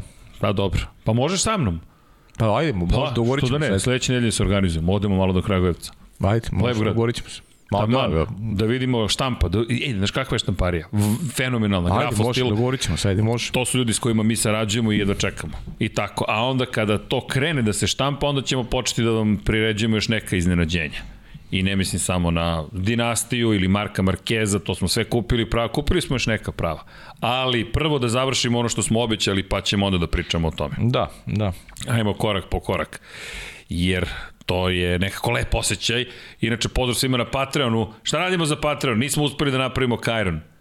Ljudi, neko kaže nemoj više da čitaš, ali ja, kako bih vam rekao, Ali zar nije lepo da pročitamo imena svih koji su sa nama i onda da pređemo, na primjer, ako se slažete, pazi, ovo je mega brzo nekako, posle sati i 11 minuta da pređemo na pitanje i odgovor. Ili misliš da je rano? Pa još malo, A još malo da, da vrtimo još malo, rano je. Još malo, nekako. A da, rano mi nekako. Zamisli Vanja da ode kući na vreme. Pa da, nije u redu. Nema nikakvog smisla, to je to potpuno...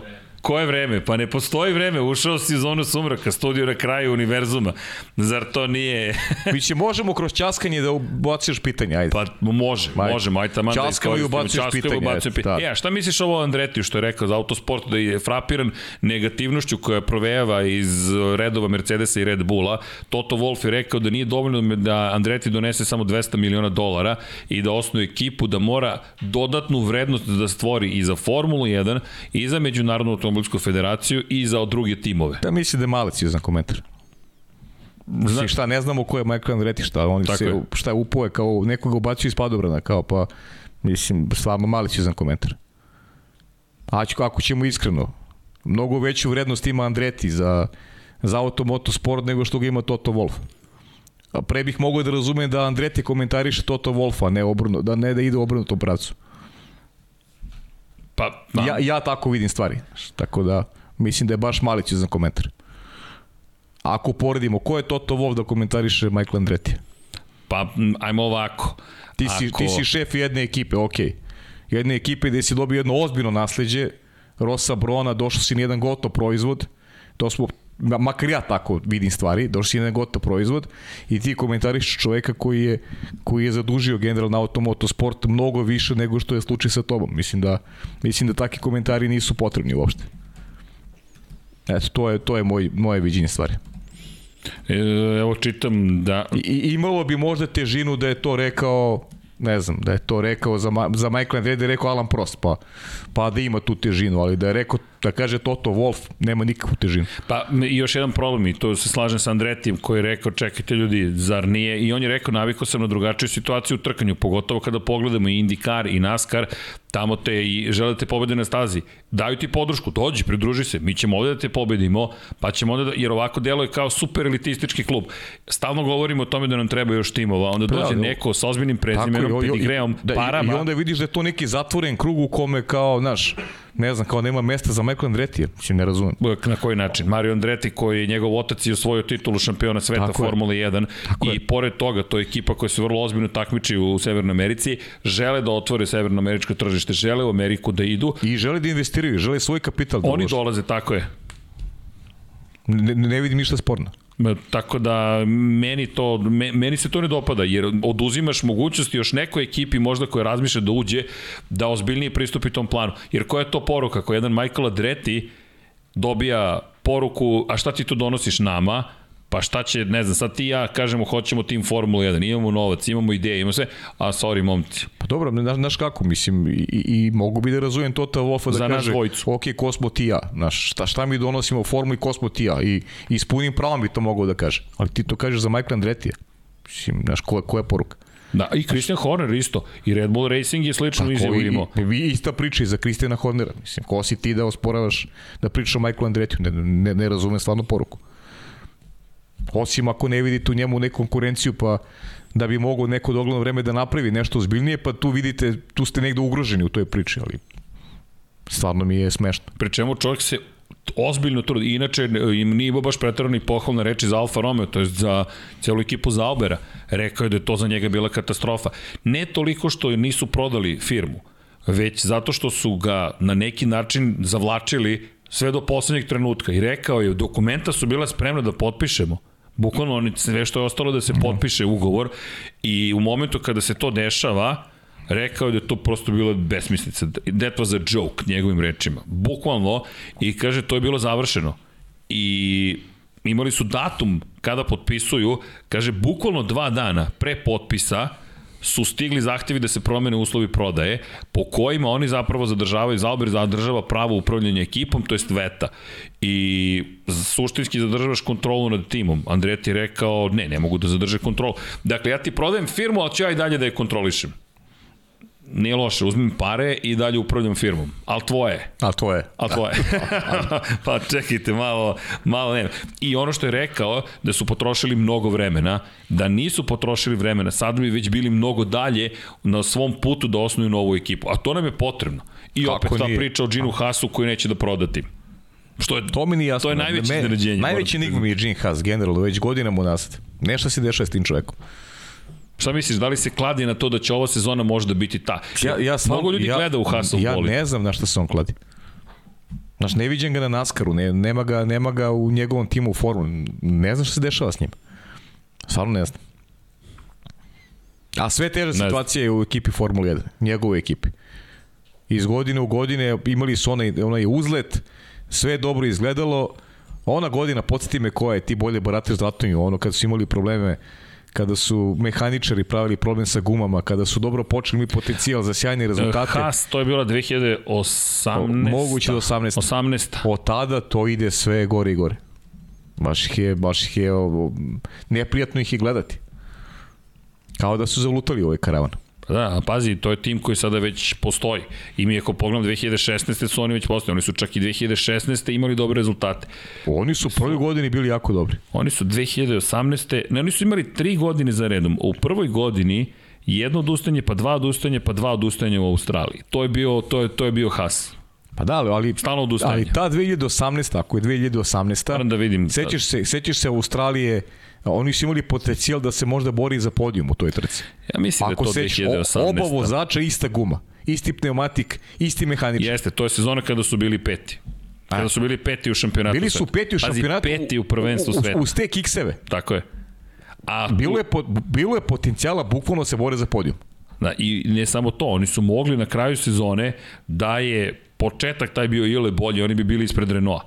Pazi, oni su 93 poena imali na kraju 122 imao Renault. Mogli su budi ispred Renaulta. 100% su mogli I, re, I realno je bilo da bude ispred Renaulta. Jeste. Red Bull, Ferrari, Mercedes o tome ne I pričamo. Gene Haas koji je genijalac, ljudi, on je genijalac. Pazi, on je On, kako, je- kako je on povezao, on je iz Naskara ušao u formulu i čovek je povezao stvari, napravio konkurentnu ekipu, okupio dobre ljude za jedan kratak vremenski period i napravio bum.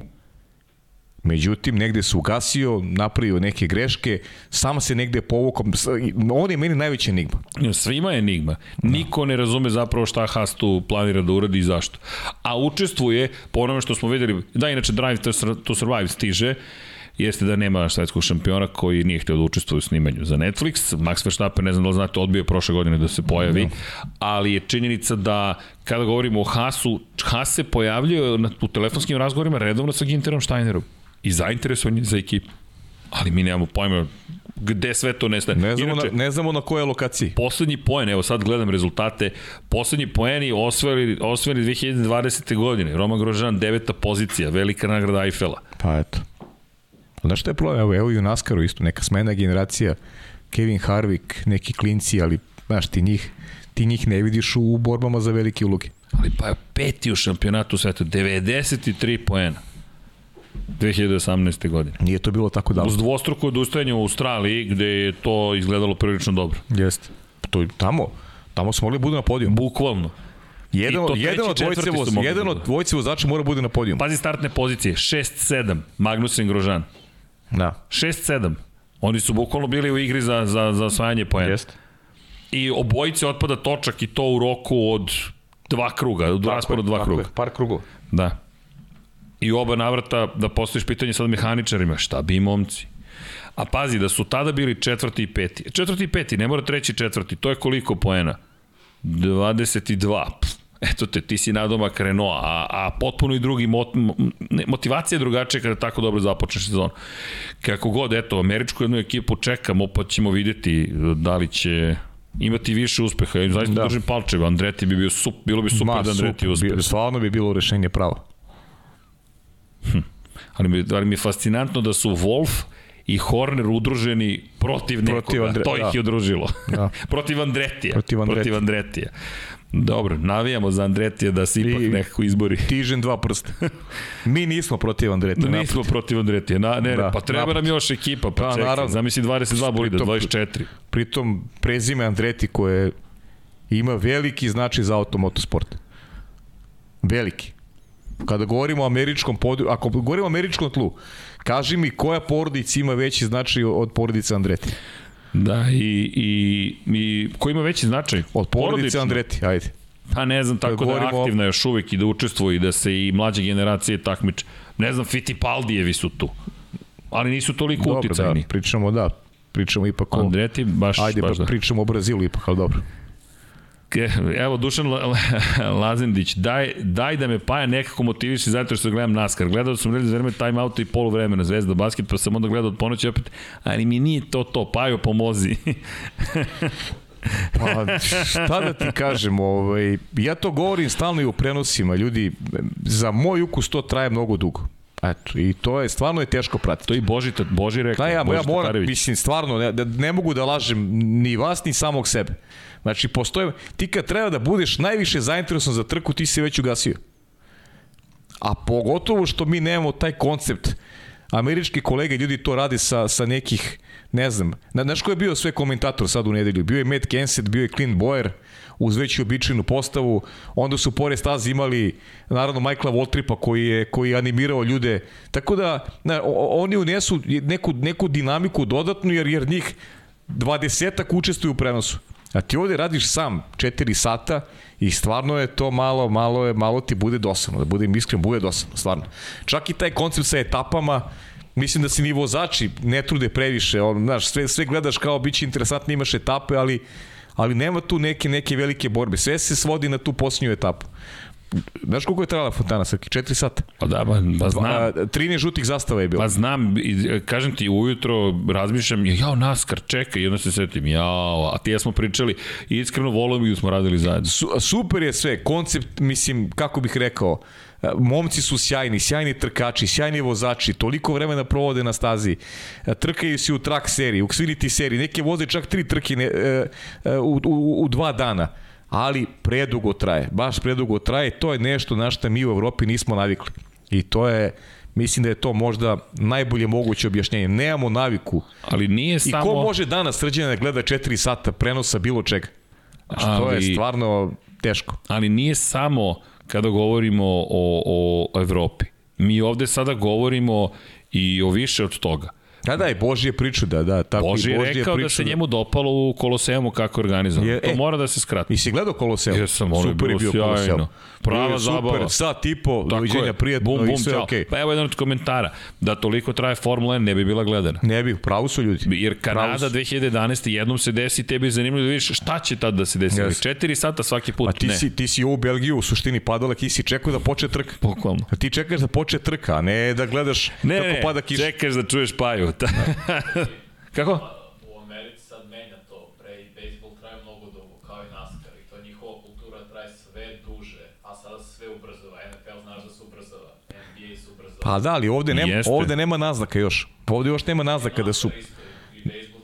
Ja, mislim, ja bih volao da to... Jer više ne mogu ljudi da sede toliko i da gledaju prosto. Ne, o, ovo je, re, ne, neka plafo, neka dva sata, to bi trebao bude koncept, jer zaista četiri sata trke, od toga ti imaš ogromne pauze u tim košnim periodima, znaš, to je dva milja staza i treba više vremena, kad je staza dve milje duga, pa treba ti više vremena da je očistiš. I samim tim i traje pauza po desetak minuta, svaki koš 10 minuta pauze.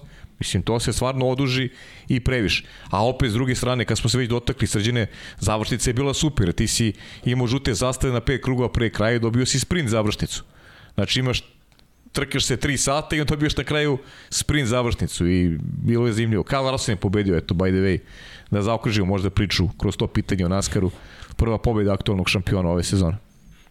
Le, lepo, pri, i to prilično lepo. I, I pritom nije bio uopšte pri vrhu kada pogledaš. Nije, pa znaš šta mi je žao? Tyler Reddick je išao ka svojoj prvoj pobedi u karijeri i, i bio bi još jedan momak iz Kalifornije koji bi slavio na, na domaćoj pisti, međutim imao je, imao je problem, pukla mu je guma, naleteo na njega William Byron, pobedio dve etape Tyler Reddick i prava šteta. Meni je žao što nije Reddick pobedio. Imali bismo onako dva dvojcu vozača koji su pobedili debitanti, pobednici dve prve trke, ali eto, Reddick je najavio da ima, ima više mogućnosti tokom ove sezone. A inače i Larson je takođe iz Kalifornije, tako da su bili zadovoljni domaći navijači. Selimo se u Las Vegas sledeće nedelje, to je sad domaća pista Kajla i Kurta Buša, pa ko voli neka bude uz kanale Sport kluba. Biće zabavno. Da. Ako ništa drugo, uključite se na kraj. Treća gledajte etapa. Posljednjih, da, gledajte posljednjih 50 krugova. Treća etapa, to je bukvalno to. Jer ostalo je nekako predugačko, a bez malo dešavanja. Ovde je veća bila priča o tome da li će kazniti timove koji su uveli neke inovativne promene točkova, jer ove godine imamo samo praktično, mi imamo jedan vijek sada, nema ih pet više. I to je najveća promena ove godine kada govorimo o, o pit stopu i o tome da se, da, kako se menjaju pneumatici. Ali dobro, ima tu još zanimljivih momenta. Inače, Evo vidim da je neko rekao Srki napravi ligu za Moto Grand Prix. Nisam hteo ovde o tome da pričamo, ali evo da znate, liga je već formirana, zvanična liga je tu, tako da ko želi može da se pridruži. Pa evo, prebacit ću vam ko voli Moto Grand Prix, evo izvolite. Fantasy Liga, stiže uskoro i Fantasy Liga za Formula 1, nemojte da brinete, a mi ćemo imati zvanično proglašenje pobednika prošle godine uskoro, kada stignu neke stvari koje treba da vam dodelimo. Tako da, Hajduci Uskoci, ako prati Formulu 1, Hajduci Uskoci, jeste, on je čovjek pobedio zajedno sa Adamom Beše, je tako, u MotoGP-u, a Sheila, kada stigneš iz fabrike Red Bull Racinga, čekate pehar. Nije na vezu. Ne znam, kako? Da zaključam ligu, okej. Okay. Uh, ok, ok, Flavio Briatore, da li se vratio u Renault? Ne da ja znam. Koliko ja znam, nisu planirali sa Flavijom ne, ne, ne, da, da, da bilo šta rade. Bo Flavio, bilo je priče da bi mogao da se pojavi tamo negde početkom godine, ali nije... Evo, evo javlja, Hasan mi šalje poruku da je Jean Haas u petak samo bio u Barceloni. Eto. Da. Hvala Hasane. Hvala naravno. Šta su ti informacije sa pa, lica mesta, ali eto, Džin je došao na kraj tre... Ali mm. to je zanimljivo, to bi bilo lepo da to je čovjek koga treba uhvatiti za intervju. Jeste. To s njim treba popričati. Da li mi veruješ da je, da je on broj jedan s kojim bih voleo da pričam? Znaš, da, da, Upravo da, zbog da, da toga da vidim šta se dešava, kakvi su planovi. Jer neverovatno mi je kako, kako tim ima neku silaznu liniju, a, a njega nigde nema. Jer čudno mi je da ga nema ni u Naskaru, znaš. Pa baš ga nigde nema. Prepustio je Tonio Stewartu da vodi ekipu. Potpuno je prepustio Tonio Stewartu. Ali dobro. Da, inače, evo, pitanje gde će biti MotoGP prenos, čisto da da spomenem, pa ja trenutno ne znam na kom kanalu će ići, pošto to je informacija koju ćemo dobiti verovatno u poslednjem trenutku. Ne znam pravo da pa, kažem. Proveri da li ima, da li ima u petak. Gledao sam, ne, ne Programska šema nema u petku ubačeno. Nisam video, čekaj da imamo. Trebalo bi da ima, mislim da, da, da postoji plan do petka. Pogledaj. Imamo četvrtak i petak, ali, ali me nema nigde. Aha, nije ubačeno još. Nije, nije, nije, nije ubačeno još. Da, da, nije ubačeno. Dobijemo mi to ponekad unapred, ali trenutno nigde ne vidim da da ima mog prezimena. Inače imate pozdrav kolegi Đankića. Đankić će gospodin Aleksandar propustiti samo jednu trku, zahvaljujući činjenici da će ovo biti jedina trka koju, na koju ćemo ići avionom, ali to je jedan iracionalan strah koji, se, koji je teško savladati. Tako da mi držimo palčeve da će uspeti u tome, ali sve ostalo ćemo pokriti kombijem po Evropi, još pet trka, Paja, Zvezdica i moja malenkost rade na tome da se pojavimo i na trkama, naravno, Formule 1. Da. Pa onda da vidimo Gina Haas ako sretnem. Excuse me, Mr. Haas. Ili džin bolje, kao džin. znamo se, sećate mene. Ste jedan džin? da li se sećate mene, imam, neka, imam, imam tu neka pitanja. Sa, sa tonikom ili bez? A, sa tonikom ili bez. Čekaj da vidimo ovde neke poruke smo još dobili. Mario Vidović, Pozdrav svima, kad e, vidim da pare odoše za Lego, nije mi zao što sam patron. da. I moram napomenuti nešto pod kapicom, od danas ima engleski titlove, ne znam da li iko ima titlom podcast na Balkanu, ali uglavnom velika stvar, pozdrav svima, ostanite zdravi. Hvala Mario, hvala puno. Pa jo, ljudi, da. izbačeno danas fenomenalno, prvi. ali Jest. fenomenalno. I svaka ti čast.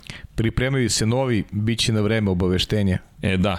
E, apropo, pod rade, kapicom, ko rade, se, rade se dva selektora, oni će biti sledeći, Dejan Savić, Ivica Tucak, selektori Srbije i Hrvatske, tako da će biti i njih dvojica u skorije vreme na engleskom. Ma fenomenalno. Ko voli vaterpolo i ako voli samo sport ili zanimljive priče, podkapicom.com i onda će vas redirektovati lepo sajt na YouTube kanal našeg dragog prijatelja i kolege Pavla Živkovića koji je tu upravo ovde snima pod kapicom, sednete, udrite like na svaki video, udrite subscribe, a to su neke od, od ostvarenja koja će, ja se nadam, večno živjeti, jer to je fenomenalno. Zaista je fenomenalno, nešto predivno i moram priznati da, da mi je čast, bravo ti kažem što to radiš i što radimo zajedno. Hvala Srki takođe. Tako da obavezno to ispratite. E, imamo li još pitanja? Ovde imamo neke pozdrave sa Patreona. Da, ljudi, stvarno nam znači, inače izvinjenje moje za manjak informacija i za scena, m, trebalo bi više dok se samo malo uhodamo i po tom pitanju šta se sve ovde zbiva, ali imam neke ideje šta ćemo sve moći da vam postavljamo. Evo, treba bušimo rupe, postavljamo novu teh, nove, jel te, pro, perforirane nosače kablova i tako dalje, Aleksandra da pozdravimo koji nam je pomogao oko toga. Aleksandre, spremamo ti akciju ovde kad dođeš sledeći put da nam pomogneš oko kabliranja, bit će sve spremno. Tako da znaš, i onda ćemo to sve da vam pošaljemo i da vidite zapravo iza kulisa kako izgleda, ali da, znači nam podrška i ne samo to, sve košta, serveri koštaju, košta struja, košta zakup, košta sve, košta, košta, košta, košta, košta, tako da znate. Eto. Tako da Josip, se nadamo da ćete da. nas nastaviti da podržavate, a pročitat ćemo imena svih na kraju. Na kraju ćemo, smislit ćemo, da, pa da, ili možemo da možda pročitamo usput ovako dok aj pričamo. Samo, aj samo Josipa Kovačića da pozdravimo i našeg, našeg dragog Irca po znacima navoda. U, ima ljudi iz Irske. Ima, ima Josipa, da, Josip je, Josip je tamo i stalno se javlja, pito je, poželio je da jednom mi bude gost podcastu. Josipe, kad god budeš ovde, Ali ne može ko Luka da. da ovako daš da ćuti, mora kaže, bude glasan. Kaže Josip, kaže, želim da dođem da vas, da vas počastim pićem i da vam donesem prave slavonske rakije. um, Josipe, sve može. Mi to ne pijemo, ali dobro. Pa dobro, sta, staći tu, stavit ćemo ga u vitrinu. Da, da. da, može kao ukras da stoji. Mo, možda će neko i teti popiti. Kaže, a može dva pitanja, da li Ferrari greši kad nije odredio ko je prvi vozač i drugo ako mu je Zepin odred ko je bio dobar vozač za Haas, neko mlađi ili neko iskusniji? Malo smo se Josip i dotakli te teme. Pa ja bih iskusnik. Da, iskusnik svakako isto. Ja iskusnik, bih, više bih, više bih volao da, da Mick Schumacher ima neku podršku u tom smislu da da, da, može, da može da nauči od nekog ko je, ko je ovaj, prošao mnogo više od njega u Formuli 1. Pa vidi, kada govorimo o, o Hasu, ljudi, ajmo, ajmo ovako. E, sad šta... I Ferrari, naravno, pitanje je za da li Ferrari greši, Pa, mislim, Josipe, to a priori ne mora da znači da Ferrari to neće uraditi u sred sezone ukoliko bude potrebe za tako nečim. A, ukoliko se iskristališe da je neko u boljoj formi, mislim da će to a priori uraditi. Pogotovo ako budu mogli da se bore za, za ono što oni priželjkuju, to je, to je sam vrh. Ima tu par stvari. Dakle, ajmo ovako. U idealnom svetu pričali bismo samo o tome da li im treba mlađi ili im treba iskusni vozač. Pošto ne pričamo o idealnom svetu, pričamo o tome da je to tim koji je vrlo verovatno ostao bez glavnog sponzora Zahvaljujući tome će verovatno ostati bez vozača, zahvaljujući Međunarodnoj automobilskoj federaciji, Nikita Mazepin nije ugrožen kao vozač koji dolazi iz Rusije ili Belorusije, dakle ne na nacionalnom nivou, već je ugrožen kao vozač koji će možda biti bez prosto onoga što ga je dovelo do sedišta, to su pare. Dakle, šta treba Hasu? Novac. Vrlo jednostavno i mislim da nemaju ni tu mnogo izbora da li će ići na iskustvo ili će ne ići na nekog mladog. Moje mišljenje idealno bi bilo ukoliko bi mogli da dobiju iskusnog vozača koji donosi novac. I jedan od takvih je Robert Kubica, ali on u Alfa Romeo i ako pogledate Orlen, to je poljska zapravo naftna industrija, je glavni sponsor Alfa Romeo. Zašto je Kubica tu? Pa ne samo zato što ga vole ili zato što ima iskustvo, već zato što njegov lični sponsor zapravo održava u velikoj meri Alfa Romeo solventnim. Tako da Kubica zahvaljujući tome dobio priliku da testira bolide i dobio priliku da se povremeno pojavi u treningu broj 1. Da li bi Kubica bio idealno rešenje iz perspektive brzine? Ne znam, ali ajmo ovako. Teško, iskreno. Pa, teško. Previše je ozbiljna njegova povreda ruke. Sa, samo zbog toga. Samo zbog toga. Da je to potpuno zdrav Robert Kubica, ljudi, po poslednjih 10 godina bi drugačije izgledalo u Formuli 1 generalno. Pitanje je gde bi bio Kubica, gde bi, bila, gde bi bio Renault, gde bi Lotus bio sa njime. Jer taj čovek je trebalo da bude glavni vozač Lotusa. Tako da šteta je prevelika koja se desila na tom, u tom reli u kojem je povredio ruku, ali takav vozač, na primjer, kada bi se pojavio, to bi bilo dobro za ekipu Hasa. Tako da, pre svega pare, e sad u idealnom svetu da su pokrili novac, ja bih i dalje glasao za iskusnih vozača. Neko ko može da ima mentorski mentorsku ulogu ka Miku Šumacheru. Kimi Raikkonen, na primjer, bi bio savršen, jer Kimi je podigao Antonija Đovinacija. Antonio Đovinaci sam rekao koliko je naučio od Kimi Raikkonena. Pa da, to je Kimi je pocenjen često, Kimi možda nije donio rezultate koje smo mi preželjkivali, ali Kimi je bukvalno pomogao Giovinaciju da napreduje. Haas i Ferrari očigledno imaju saradnju i mislim da da je tu negde mogo da pomogne i Ferrari. Ukoliko, ukoliko Ferrari jasno vidi da je Mick Schumacher neko ko je njihov projekat za budućnost, ali ja se plašim da to Ferrari ne vidi. Koliko god da mi pričamo o tome da je Miko Schumacher u Ferrari prirodno stanište, nisam siguran da Jasno. da to Ferrari vidi u budućnosti. Jer, jer moj, neki moj zaključak je da Ferrari to vidi. Ferrari bi se potrudio svojski da Mick Schumacher ima nekog, ala, ne možda ima Kimi Rekoje, ne možda ima nekog svetskog šampiona, ali možda ima vozača Nika Hulkenberga. Znaš, neko ko bi njemu pomogao da njegov napredak ide nekim boljim tokom. Jer seti se duela Mika Šumehera i, i, i Nikite Mazepina u Formuli 2. Znaš, često je to bilo onako e, poprilično žestoko na stazi. Nikita Mazepin je u Formuli 2 bio vrlo konkurentan. Nije Nikita Mazepin e, bukvalno pao sa Marsa. Nikita Mazepin samo nema taj nema tu vrstu dara da može da se da se bori za, za, za visoke uloge, za, za velike timove. I nekako mi nije, ono što smo rekli i na, na početku saradnje, meni ne idu ruku pod ruku Schumacher i, i Mazepin. Nije to dobar spoj za ekipu. Samo novac. E, zato, kad je novac u pitanju, tu je mogu da pomogne Ferrari, sa nekom jačom podrškom Hasu kako bi Miku obezbedili bolji napredak sa nekim kvalitetnijim vozačem nego što je to e, Nikita Mazepin i zbog toga mislim da Ferrari u krajnjem slučaju i, i ne baca pogled ka Miku Schumacheru a priori ka nekom rešenju koje će, koje će zauzeti poziciju timu za nekih, ne znam, 3, 4, 5 godina, koliko god, možda i manje. Ok, ima smisla to. Stvarno ima smisla.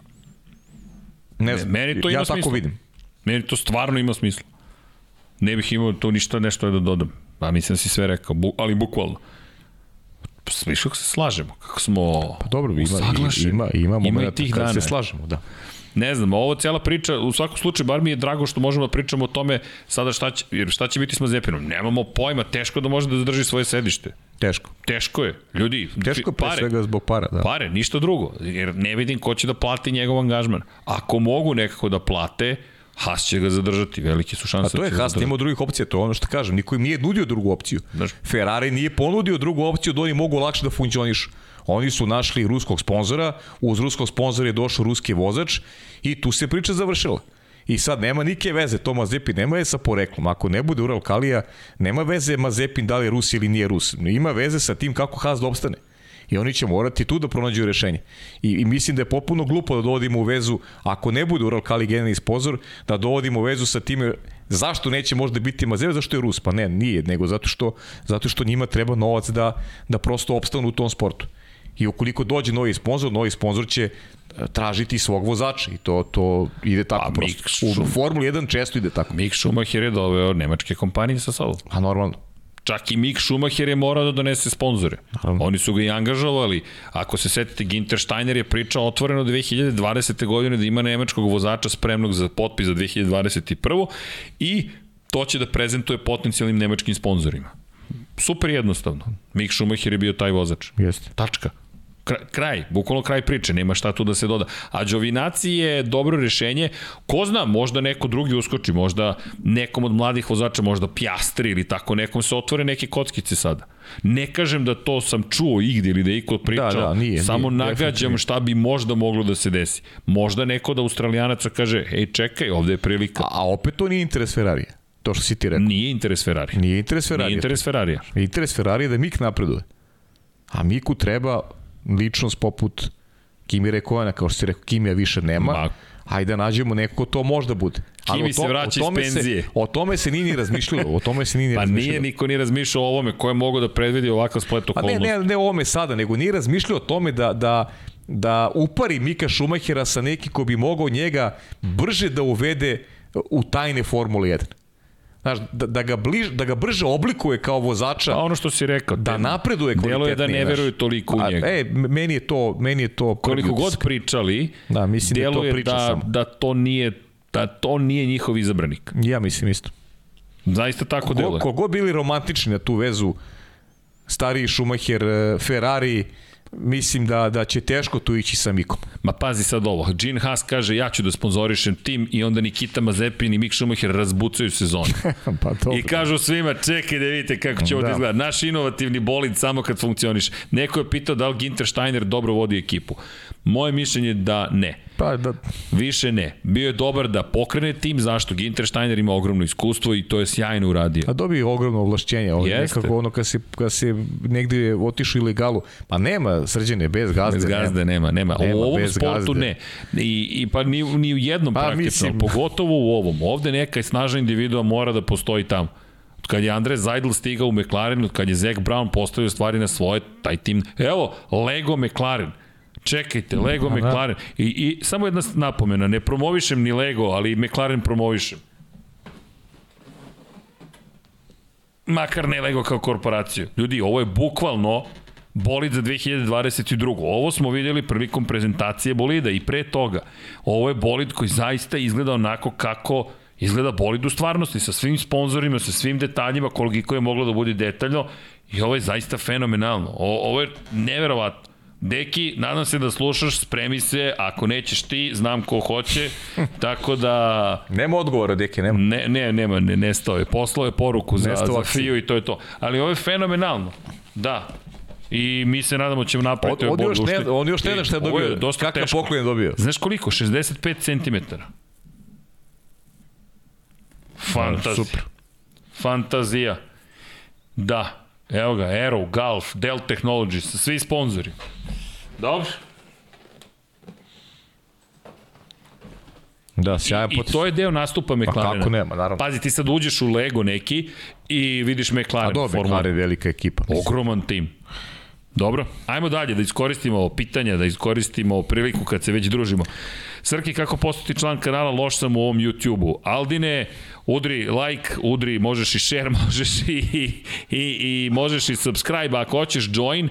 Ja se izvinjam svima koji su kliknuli join, a nismo uradili dovoljno toko mog meseca da nam bude zabavniji iza kulisa, bit će toga.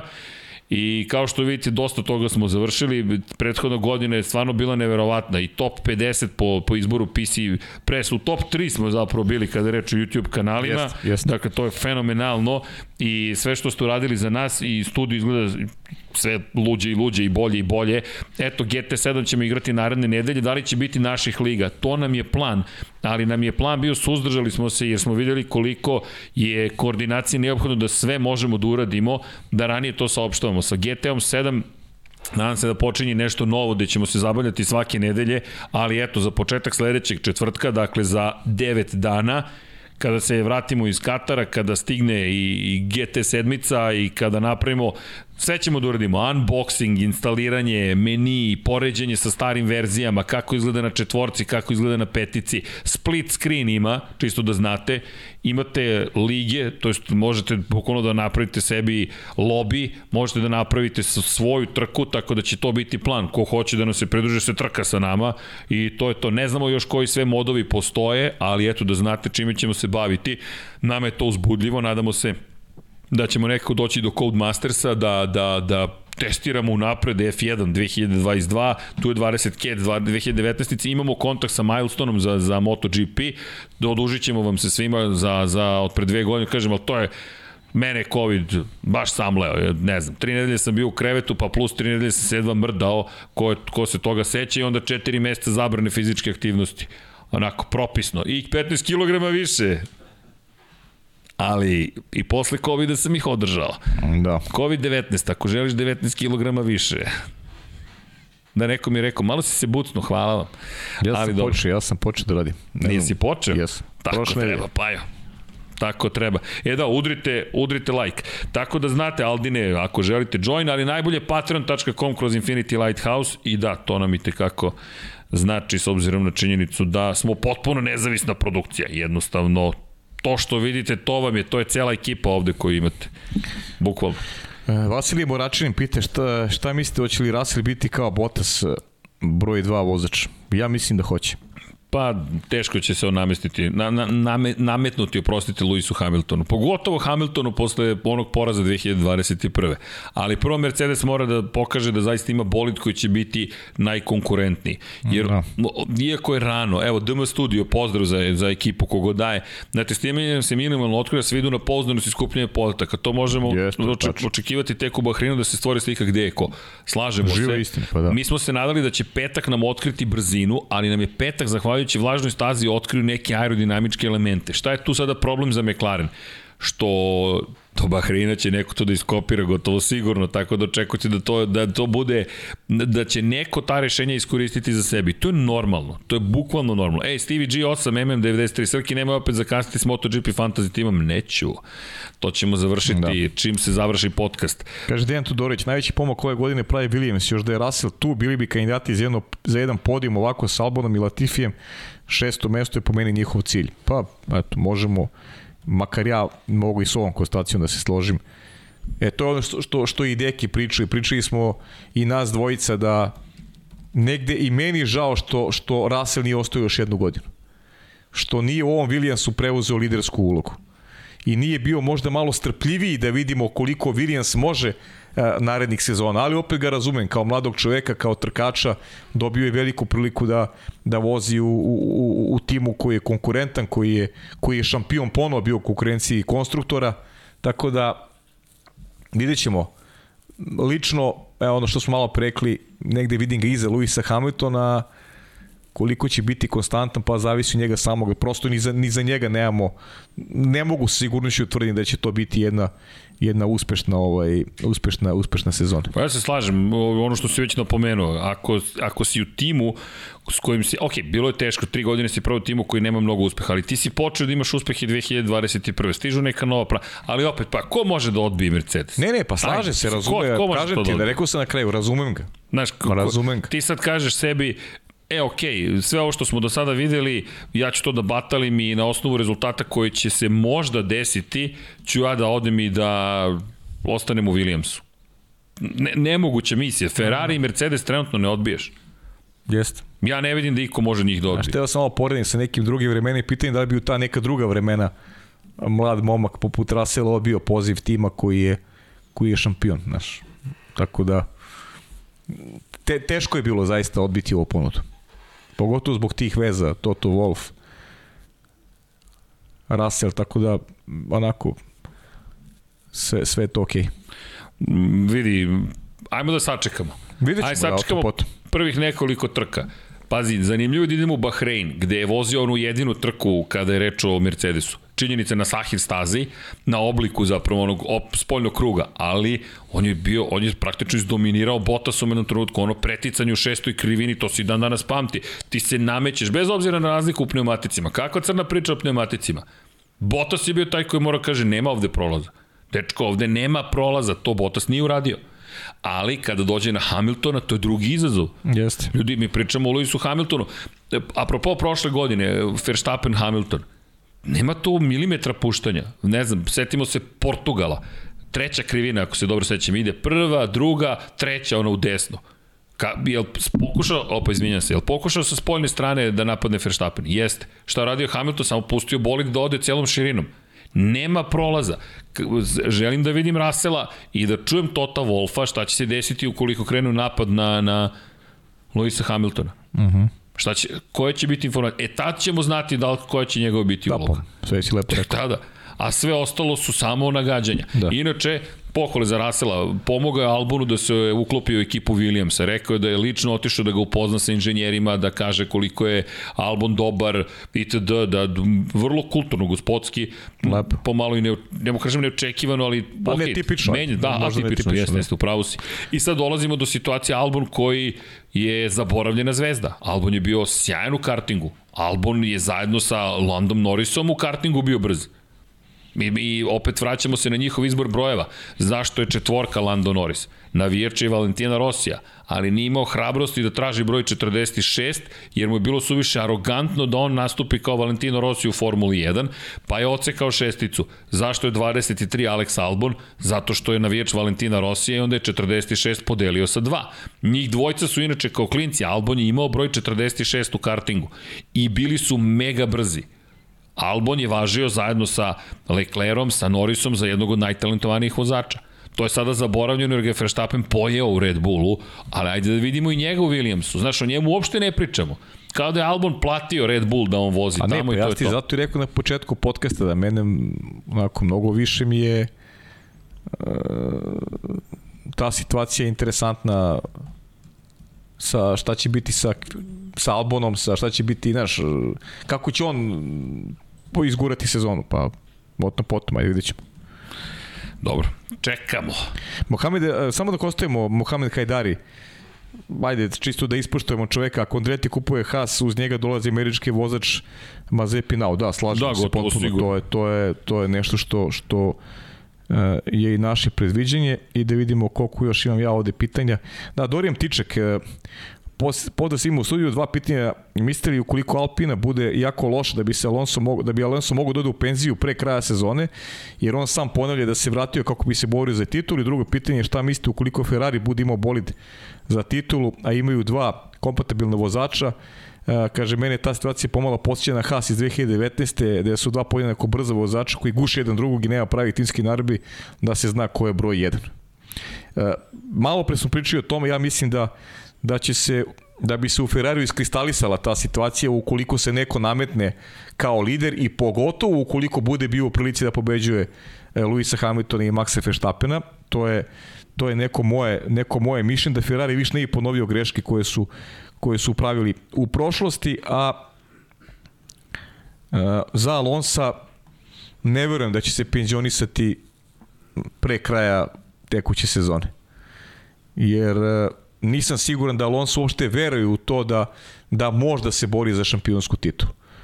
Koliko god on izjavljivao da mu je to želja, da mu je to neki cilj, mislim da je Alonso vrlo dobro svestan kao iskusan vozač, kao nek, nekadašnji šampion, kakva je raspodela snaga u Formuli 1 i da, da je Alpina ekipa koja e, koju treba vreme da bi, da bi došla do, do nekog e, do nekog stanja u kome se nalaze Mercedes, Red Bull, pa čak i ne čak, nego generalno i Ferrari i McLaren koji imaju jedan, jedan ozbiljniji kontinuitet u odnosu na, u odnosu na, na francuski tim. Tako da zaista ne verujem da će, da će Alonso onako dići ruke nezdovoljan ukoliko ne bude rezultati i reći ok, ja više neću da vozim. Mislim da ću raditi ovu sezonu sigurno. Hm. Ti ne misliš tako, a? Pa ne znam. Znaš, to je ono pitanje s početka. Da. Znaš, ne, nisam siguran. Šta ako opet na kraju sezone se promene stvari? I opet dobiješ tračak nade i kaže ti, ej, možda će se ipak nešto desiti. Znaš, u kom momentu trkač kaže dosta je bilo? Da, znaš, to je ono što meni, jer vidi, gledam, gledam ove koji su se penzionisali, gledam pre svega Karosiju, moram ti priznati, kao nekome ko mi je primjer kad si u nekim godinama, kad, kad odlaziš iz, kad odlaziš iz sporta. Rossi, na primjer, da ima bolju sezonu 2022. Da se popeo na pobjedičko postolje neko u prvih šest trka. Da li bi danas vozio sportske automobile? Ili bi rekao, čekaj, 200 to pobjedičko postolje, možda mogu još malo da se zabavi. Kod Rossi je drugi interes bio, da se oprosti od publike. Verujem da bi, na primjer, ostao sad kod Alonsa, ne znam koji bi bio Pa dan. dobro, ali, ali opet, znaš, da se oprostiš, Znaš. nekom nije to dobar oprošt u sred sezone, znaš, to je kao, kao da pokazuješ neko, mislim da on nije više u tim godinama, on je već iskusan voda, može da sagleda lepo stvari. Mislim da su njemu mno, sada već mnoge stvari jasne. I sad ulaziš u jedan projekat i kažeš na sred, u, u pola sezone kažeš ja više neću. E, Nije lep oprošta, ne, ne, ide uz, ne ide uz velikog šampiona. Za i Valentino Rossi, pa gledaj, ti, ti, si, ti si prenosio sve te trke, ja sam po neku, ja nisam mogu da gledam neke trke, jer ono, znaš, gledaš čoveka koga, Pa koga, maltene, je. koga maltene obilaze za ceo krug. Ali nema, on je čovjek odradio do kraja sezona. Jeste, a ne mislim da će nužno neko da izađe iz sezone, A znaš. ne, ali to je bilo pitanje, da li će se povuče ranije? A je ranije, bilo. aha, Da, ja da li nisam razumio u da sred su u sezone. sred sezone. Ja sam A razumio da. da će neće da neće produžavati ugovor. Ma da, mislim, A ne, to, u sred to, sezone mo- nema šanse. to možda ne produži Ne, ne, ne, ne, može ne, da ne, ne. završi sezonu i da kaže ne, ja ne, neću Ja u više. potpunosti se drugi film A, uopšte da. mi ne pada na pamet da je to na pola sezone. Da. ne, pa, Ma ne, ne, ne, ja se izvinjam. Ne, ne, mislim, Ne, ne, ne, nisam ne, ne shvatio ide, pitanje na ne taj ide način. uz takvu osobu, ne ide Razmišljam. uz takvog Ma kakav neće, pa ko bi se od njih oprostio tako? Pa to ti je Belek za do kraja karijere. Pa, mislim, daš, I to nije vreme. Alena Prosta koji je rekao Ferrari ovo je kanta, to jest kamion, pa si ti ljut nešto, ti Pa, si... pa čak i da misli da je nešto kanta, ti si profesionalac, ti završi, završi posao. Dobro, njega Pritom- su otpustili. Pritom Alonso imao on- onaj, pe, on- onaj period u McLarenu sa Batonom kada šta je Ne, vozio? ne, ne, ne, ne, ne, ja se Pa je- izvinjam. pa je ja sam- završio, pa je Ma završio Ne, ja sam shvatio ranije da u smislu završio si, nećeš više Da, ostajati da, u ma Formuli ne, 1. pa dobro, ma to- ne, to- ma bože to, to, to postoji kao opcija da ne Ma ostane u? Formuli 1. Ma ne, da ode na pola godine neće, ne. izvinjam se. Ne, ne, ne, ne, ne uopšte. Ne, ne, ne, to nema teorije da se desi. Alonsov obraz to mu ne bi dozvolio. Pa sigurno, Pre, pre, ne samo ponos, nego obraz, on čovjek pritom ne bi izdao ljude, pre svega u Renault. Ako, kao što kažeš, nije otišao iz McLarena s kojim nije imao tako bliske odnose, ako nije odlazio iz Ferrarija s kojim nije imao tako bliske odnose, a s Renaultom je osvojio obe svoje titule i bio je srećan ko malo dete prošle godine, šta je rekao Esteban Okon? Ovo je potpuno drugi čovek u odnosu na ono kog ste mi vi opisali. Svi ste rekli da je on težak, neprijatan, maliciozan i tako dalje, a dobio je mentora. Mislim da se je promenilo, da, da ga je Alonso sreo sa 22, pojeo bi ga, verovatno bi bio živa Ajkula tamo u Alpini, kao što je pokušavao i kao što jeste bio sa svojim rivalima, pre svega sa Hamiltonom 2007. Ta sezona za McLaren, setimo se kako izgleda, ali ovo je drugi Alonso. 40 godina imaš, ja svoje Pa si to dve ti kažem, Ma, pro- prošao. Kažem ti, o- Ne, ne, ne, on da. već sada može, on, on, njemu je već sada jasno uh, u kom pravcu ide tim. I nije čovjek koji može se razočara na pola godine. Mislim, i on je u toj garaži provodi vreme, zna, da, zna šta ekipa radi, u kom je stanju boli, tako da mislim da već sad ima neke jasnije indikacije oko, oko toga šta, šta, šta može, šta može da, da, da, da očekuje od ove sezone. Tako da, vidjet ćemo. Imaš neko pitanje? Ima Deki Andrić nas pozdravlja kao i pozdrav uvek. za Deki. Da. A, kaže, kaže Deki, Jel imate informacije da li SK radi DTM ove godine? To, to iskreno ti kažem, Deki, nemamo, ali javit ću ti ovaj kad budem saznao. E, I ima pitanje, kaže, možda Ferrari hoće više da podrži ekipu Hasa. Haas je ostao uz njih kad je Ferrariju bilo najteže. Možda iz tih razloga Gene Haas ne prodaje tim. Ipak je tamo Mick Schumacher, da naši više. Pričali smo, Deki, o tome, posvetili smo ovaj posljednji period podcasta konstantno pričajući o Haasu i Ferrariju, tako da ovaj ja zaista mislim da, da, da Ferrari ne gleda baš ozbiljno u pogledu angažovanja Mika Schumachera. To je, to je moj stav na osnovu poteza Ferrarija pre svega. A kako će izgledati da je ta saradnja Hasa Ferrarija, ne bih se zaista upuštao, to nisam siguran. Pa pa ne vidim ni šta može Haas, čekajte, ako Haas nema pare, sad zamislite još da menja proizvođača motora. To je preskupo. To, to, to su ogromne investicije. Ti sada moraš da potpuno prepakuješ svoj bolid. Da, da, da tražiš novog partnera, pri čemu Haas od početka svog postojanja veći deo delova, veći. On kupuje delove, on čak ne proizvodi sobstvenu šasiju. Dakle, mi pričamo o timu koji kupuje od drugih i to jeste bio osnovni koncept i postulat na kojem je postavljen tim Hasa. Da možeš da uzmeš neke pare i da napraviš tim od toga, a da nemaš svoju fabriku, to je da ne moraš da budeš klasičan konstruktor. Mnogi su to zamerali Hasu. Na primjer, to ako će Andretiju nešto da zameraju, možda ako će ići tim putem, ali čak ni to mislim da nije zamerka, zašto bi to bila zamerka? Tako da mislim da je gotovo nemoguće da Haas tako nešto učini, da, da, pri čemu mi govorimo o vrlo bliskoj saradnji, oni su ljudi tamo u Maranelu praktično. Dakle, mi pričamo o timu koji mnogo toga dobio od Ferrari. Hoće Mercedes da prihvati šta? Još jedan tim u svoje okrilje, peti tim. Ne vidim. Hoće Alpina možda da investira. Eto, možda Alpina ako je spremna da odreši kesu, ali šta Alpina da ponudi kad je pitanje u kojem će stanju biti sama Alpina? Ja ne vidim Renault da je napredovao. Naravno još je Da, rano. pa rano, da. Ali, ako, ali ako nije napredovao, za šta, šta će da rade? Šta će da, da investiraju u još jednu ekipu? Ne znam, eto, možda je to neko dugoročno rešenje. A ako nisu oni ko je? Honda. Honda nema šanse. Honda je tu prisutna kao HRC, Red Bull je otkupio intelektualnu svinu, da, proizvodit će se u Japanu motori, ali to je za Alfa Tauri i za Red Bull. Nema da. šanse da, da šest motora proizvedu. To je za šest vozača da snabdevaju motore. Da, Lazar, Lazar Slojić pita da li smo se čuli sa Draganom, da li dalje radi strategiju za Ja se čuo skoro sa njom, ali uh, od COVID-a Formula 1 to nije praktikovala i moram priznati da ne znam da li se nešto promenilo, pitaću je. Pitaću je, ni, ni, nisam je pitao ovaj, da, li, da, li je, da li je aktivno po tom pitanju. Da, do davno se nismo ni, ni čuli. Pa ja, ja, ja, ja je čujem povremeno. Ja sam je sreo. Da, ja je čujem povremeno, ali nisam, ovaj, nisam je pitao sada najnoviji, ali znam, sećaš se priče da nije ono, od COVID-19 nije bilo toga. Izvini, moram nešto ti priznam. Malo pre kada sam prečuo uh mhm. -huh. pitanje. Evo na opšti zahtev, Liga Fantasy, mnogi su pitali kad mogu da se učlane. Evo već sada. Tako da pinovane, ko hoće u chat neka uskoči, klikne Fantasy, to je zvanična Lab 76 F1 2022 Fantasy Liga pa neka igre počnu već sada. Šejla, čekamo te, braniteljko titule, da vidimo da li možeš dve za redom, da li možeš da budeš višestruka šampionka ili, ej, eto, mi možemo se pohvalimo, kod nas je dama pobedila. I to ne da je pobedila, zaposlila se u Red Bull Racingu i onda nas sve potukla do, do nogu. Eto.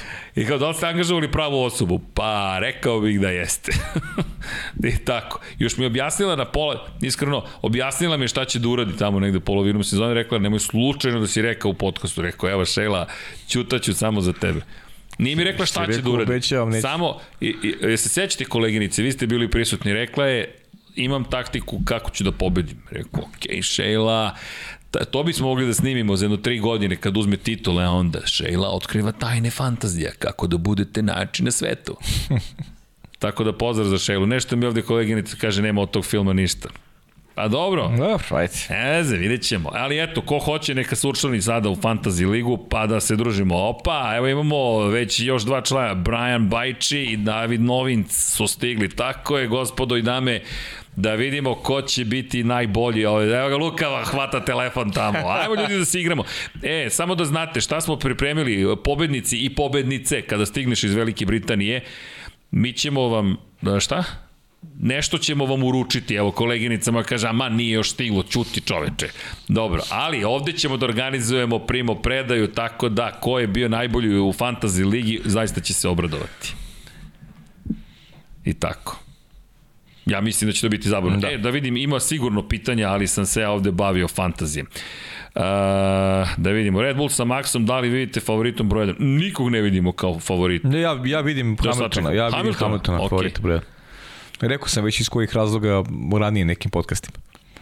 U, ovo je zanimljivo. Dušan Kojić, pozdrav svima da budemo realni pitanje trutka kada će Schumacher preći u Ferrari, po meni ovo poslednja sezona za Šarla, ako ne bude imao rezultat, on odlazi. Nisam siguran da će se odreći Leclerc tako, tako brzo. Možda mislim, za dve pa, pazi, godine. Da ti kažem, mislim da, da nije nemoguće to da se dogodi, zaista, ali ja ne vidim Mika Schumachera uz dužno poštovanje kao njegovog naslednika. Da. Pa evo pitanje, Ahmed pita da li vidimo tandem Schumacher-Leclerc. Ne vidim ni to. Sainz je toliko pouzdan. Ne zašto vidim. bi... Zašto bi izašao iz te priče? Ne vidim da, da, da će Schumacher to biti u skorije vreme. Da, da vidim... Jer Ferrari je, evo, posljednje vreme uh, igra na, na, na te mlađe vozače. Leclerc u kombinaciji sa, sa Vettelom, pa onda Carlos Sainz. Godinama je to bio projekat sa šampionima. Alonso, lider tima, Kimi Raikkonen, Sebastian Vettel, lično ne vidim, eto, možda grešim, ali o tom potom, vreme će pokazati. Da, inače, Branislav Dević kaže, George, it's James. da.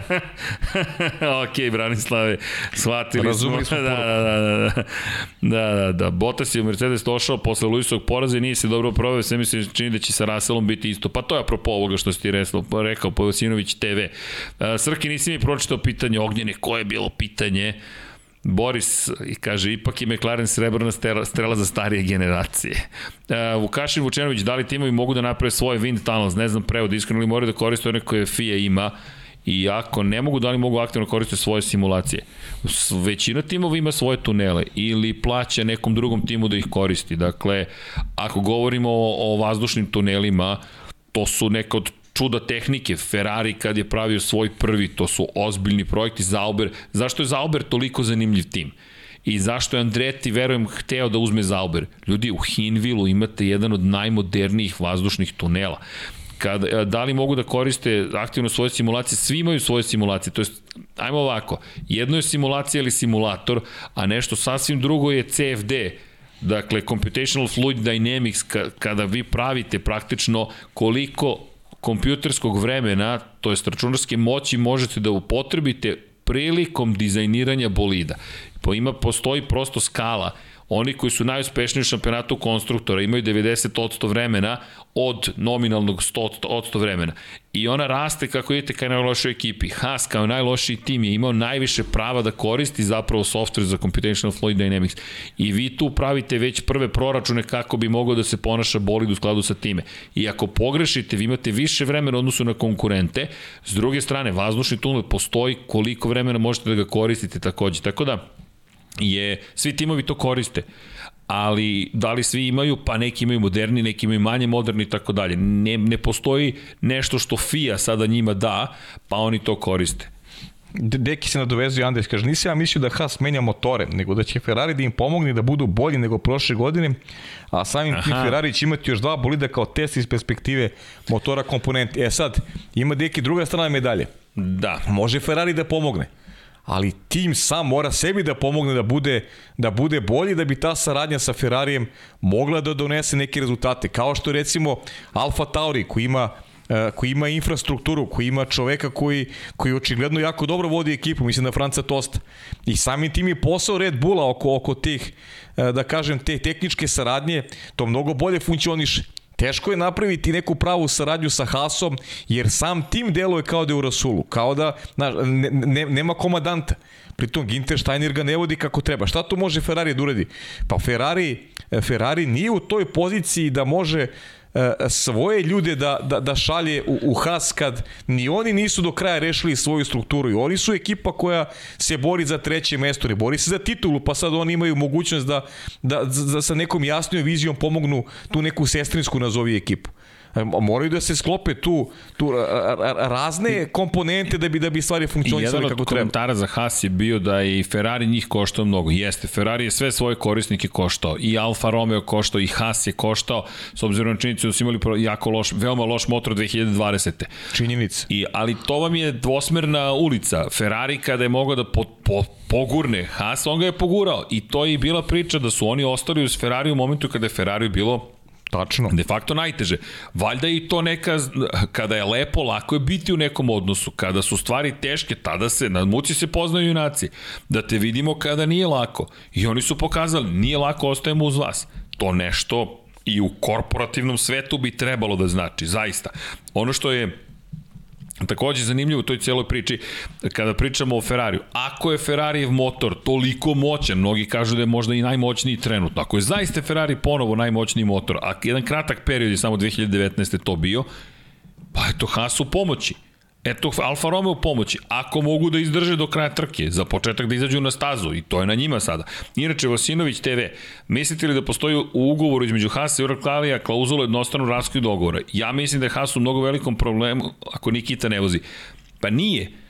Ukoliko je Uralkali pogođen sankcijama Sjedinjenih američkih država, tim je registrovan u Sjedinjenim američkim državama, Ne, jedan ugovor više nije važeći, to je viša sila. Kako je otkazana velika nagrada u, Ukra... u Rusiji, oprostite? Pa, šta, šta kažemo na kraju? Force majeure. Jednostavno, tu je kraj priče. Ta situacija Ukrajina-Rusija je politička situacija koja naravno da se preliva dalje, ali sada pričamo o tome da ako su Sjedine američke uvele sankcije države, a jesu uvele, i pogađaju Uralkali, Haas po zakonu ne sme da bude u odnosu sa Uralkalijem. To nije pitanje da li oni hoće ili neće. Oni bukvalno mogu da idu u zatvor za to. Gene Haas kao vlasnik i odgovorno lice ili Ginter Steiner odoše u zatvor. Tako da, to automatski verujem da poništa ugovor. Ne verujem da postoji klauzula ne važi viša sila. To, to ne mogu ni da ne, tako nešto koncipiram. Tako da nije to toliko jednostavno. Pitanje je pritom s kim je potpisan ugovor. Da li Uralkali uopšte može više da plaća bilo šta Hasu? Pritom, ljudi, neki od ruskih banaka su isečeni iz finansijskog sistema Mi sad govorimo o, o stvarima koje niko nije mogu da predvidi u momentu kada su se potpisivali ugovori.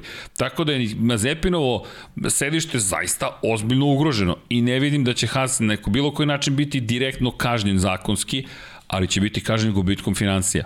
Jer ako nema tih financija, šta će da radi Haas? Gde će? Šta, šta će biti s kućom? Šta? Da jednostavno, kako da je održite? Tako da tu ima puno, zaista ima puno problema. Mačak Frančačak, povratak Kimija u F1 posle 3 meseca pauze, to je penzije to u Haas. Ja bih to voleo, iskreno.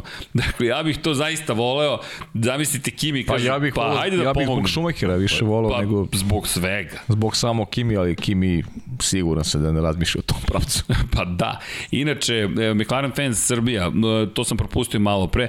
Ja sam samo, e, na primjer, pričao o parama. Sezonski budžet je 140 miliona, a na primjer Coca-Cola da će navodno dati 200 miliona. Ljudi, 100 miliona dolara, to je potvrđeno, godišnje Oracle daje Red Bullu. Ali gde ide ograničenje budžeta? Ide na tehniku, ide na proizvodnju. A mogu oni da daju milijardu, mogu da daju milijardu. mogu da daju milijardu. Nije to problem, nego... Vi ćete to potrošiti. Nego, tako je, nego... nego na plate ljudi. Na plate ljudi, da. Tako je. Jer vi morate platite jednog Maxa Verstappena, morate platiti jednog Adriana Njuija. Zato to ograničenje budžeta i dalje nije, nije nešto što rešava probleme manjih timova. Jer, ako sam ja dobar vozač ili još važnije u Formuli 1, dobar inženjer, zašto ne bih otišao u tim koji će više da me plati?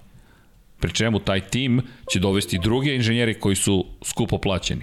I onda polako dolazimo do nasleđa, a to je da Ferrari ima mnogo iskustva, pa dobro, mislim, fabrike ima to, to su stvari, nešto. To su stvari koji ne bi smelo da se ograničavaju, znaš. Pa, da ograničavaš neko kome će daš, zašto daš bi, platu neko. Mislim, to je, pa, suludo. ali, bez veze. Ali, ali, ali, ali, pazi sad ovo, ali to postoji kao salary cap u profesionalnim sportovima. A dobro, mislim. Imaš neki jel te, neku kesu para koju moraš da razdeliš najbolje vozače, mada ih tamo mnogo dobro, više. salary cap, da li važi za za pomoćne trenere ili, ili naš, u ovom slučaju za mehaničare, za ne znam, važi salary cap za, za, za, za trenere?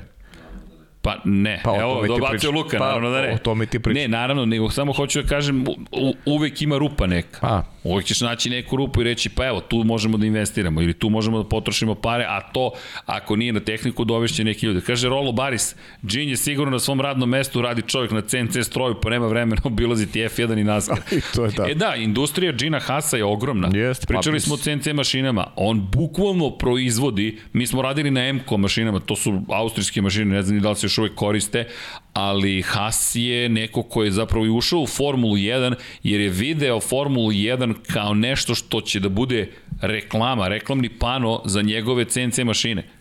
Jer on čovjek proizvodi CNC mašine, to je ogromna industrija zapravo i između ostalog mu je bilo zanimljivo azijsko tržište, da se tamo Haas kao brand, pa i pogledajte koliko puta smo izgovorili Haas, ja mislim da on postigao cilj u velikoj meri, drugo, korporativne zabave, upoznavanje sa vozačima Formula 1, sve to igra igru ali sad u ovoj krizi cijeloj ne znam zaista šta se sve to događa. Ajde ne zaboravim, e, Emanuel Cetin zaista nije dugo pisao, da. pozdrav za sve u studiju, kaže nisam dugo postavio pitanje, Da li bi uveli, pita nas, nešto slično u Formu 1 kao što je u MotoGP-u, kao što su asimetrične gume, smese guma ili ako staza ima više zavoja u levo, da, pa se leva strana više troši, da timovi mogu da biraju tipa prednja leva hard, a ostale je srednje tvrde gume. I kako komentarišete izostanak prelepog Portima iz kalendara, lepi pozdrav, pozdrav i tebi, Emanuele, super što si se ponovo javio. Piši. Hvala. Pa, hoćemo od guma? Može od guma, da, može od guma. Pa, e, fleksibilan sam za, za, za takva pravila, iskreno. Eto, ako, ako smem da pričamo, a pitao si nas, ja sam fleksibilan za takva pravila, za, za nešto što što može da donese neizvesnost i nešto što može da bude takmičenje timova u proceni e, kakva je staza e, nečega što može da, da doprinese veće efikasnosti trka u smislu veće zabave i, i, i više promena u poredku. Tako da ja bih podržao tu vrstu promene, apsolutno bih digao dva prsta kada bi, kada bi mene neko pitao, a ovo drugo pitanje vezano za vezano za izostanak Portima, pa ne mogu, ne mogu sve staz da budu u kalendaru. Ko zna, možda se nešto otvori ove godine. E, Pa, ali bazi, isto razmišljamo. Ja koji gledam kalendar upravo i razmišljam ko bi mogao da ispadne iz kalendara da. i da se pojavi Portimao, s obzirom na činjenicu da je već otkazana velika nagrada Rusije. Mi trenutno zvanično imamo 22, ne 23 trke. Iako su karte u prodaji bile za veliku nagradu Turske to, u tom, tog istoga dana, za sada to još ništa nije potvrđeno, ali pretpostavljamo, spekulišemo da će biti velike nagrade Turske. I, i uvek neko u Australiju stavljamo i znak pitanja. Tako, tako je. Da. A Australija je zakazana za 10. april. Da. Tako da Bahrein otvara sezonu, šta sam ja rekao, u aprilu smo u, Saudijskoj Arabiji, u martu, 27. marta smo, u, smo u Saudijskoj Arabiji, zatim ide Australija, 10. april, Emilija Romanja, 24. april. Tako da ako nema velike nagrade Australije, Portimao je slobodan, s obzirom na činjenicu da je 24. aprila trka Moto Grand Prix u Portimao. Tako da staza nije u upotrebi tog vikenda i nije nemoguće. Miami Grand Prix, to verujem da će se održati, velika nagrada Miami, peta trka 8. maja, velika nagrada Španije u Barceloni, gotovo sigurno, Monako deluje sve da je spremno za Monako, pa Baku, pa Kanada. Evo, možda je Kanada pod znakom pitanja, ali mislim da do 19. juna toga više svega neće isto, biti. Isto, isto, mislim ja. Italija 31. marta ukida većinu mera anti-covid, tako da verujem da će zapravo sve biti po nekom redovnom planu i programu, osim eventualno Australije 10. aprila. Ali to je jedina šansa Portima. A komentar, nema para ljudi. Super je jednostavno. Portimao nema te pare. I to je to. Portugal prosto neće platiti to koliko se traži van krize da budeš u kalendaru Formula 1. Nagrada za nastup nema, nagrada im je bila što su dobili dve trke u dve godine i to je to. Upoznali smo se s Portimaom, to je to ono što je nagrada ako ništa drugo, Portugalu je što je Moto Grand Prix odlučio da trajno bude do daljnjeg u Portimao. Tako da eto, ako je neka uteha, makar imaju Moto Grand Prix. E, šta je bilo pitanje još za gume? Za gume. E, to za gume je mnogo zanimljivo. Meni je žao što smo došli do stadijuma da je obavezno stajanje, jer je to izgubilo smisa. Opet ćemo imati jedno stajanje, kako sada stvari Ma, stoje. Da, da, Ako je već to banalizovano do te mere, ajmo da im damo punu slobodu. Napred meke, pozadi tvrde, ili levo, desno, dobar je predlog. Inače, ja uvek pamtim veliku nagradu Meksika 1986 kada je Gerhard Berger Benettonu doneo prvu pobedu u istoriji ekipe, tako što je tada na Pirelijevim gumama vozio trku bez promene pneumatika. Pa ne, jel, hoćemo da bude šampionat vozača i timova? Da. Pa nemoj da ih uniformišemo, ajde da im, da im damo da to bude onda pravi šampionat. Nije kup takmičenja. Da, ne, ne, ne moraju svi da budu da se drže kao ono slepi ovaj, svega što je, što je ovaj napisano kroz, ne znam, sad ćemo da menjamo gume, 20. krug. Pa ko upravlja, pa, komitet naš, mislim, ili da, timovi? Ili timovi, pa više da. komitet nego timovi. Ajde da ih, da ih pustimo da, da, da pokažu veštine. Da se prilagodi i da vidimo ko se bolje prilagodio.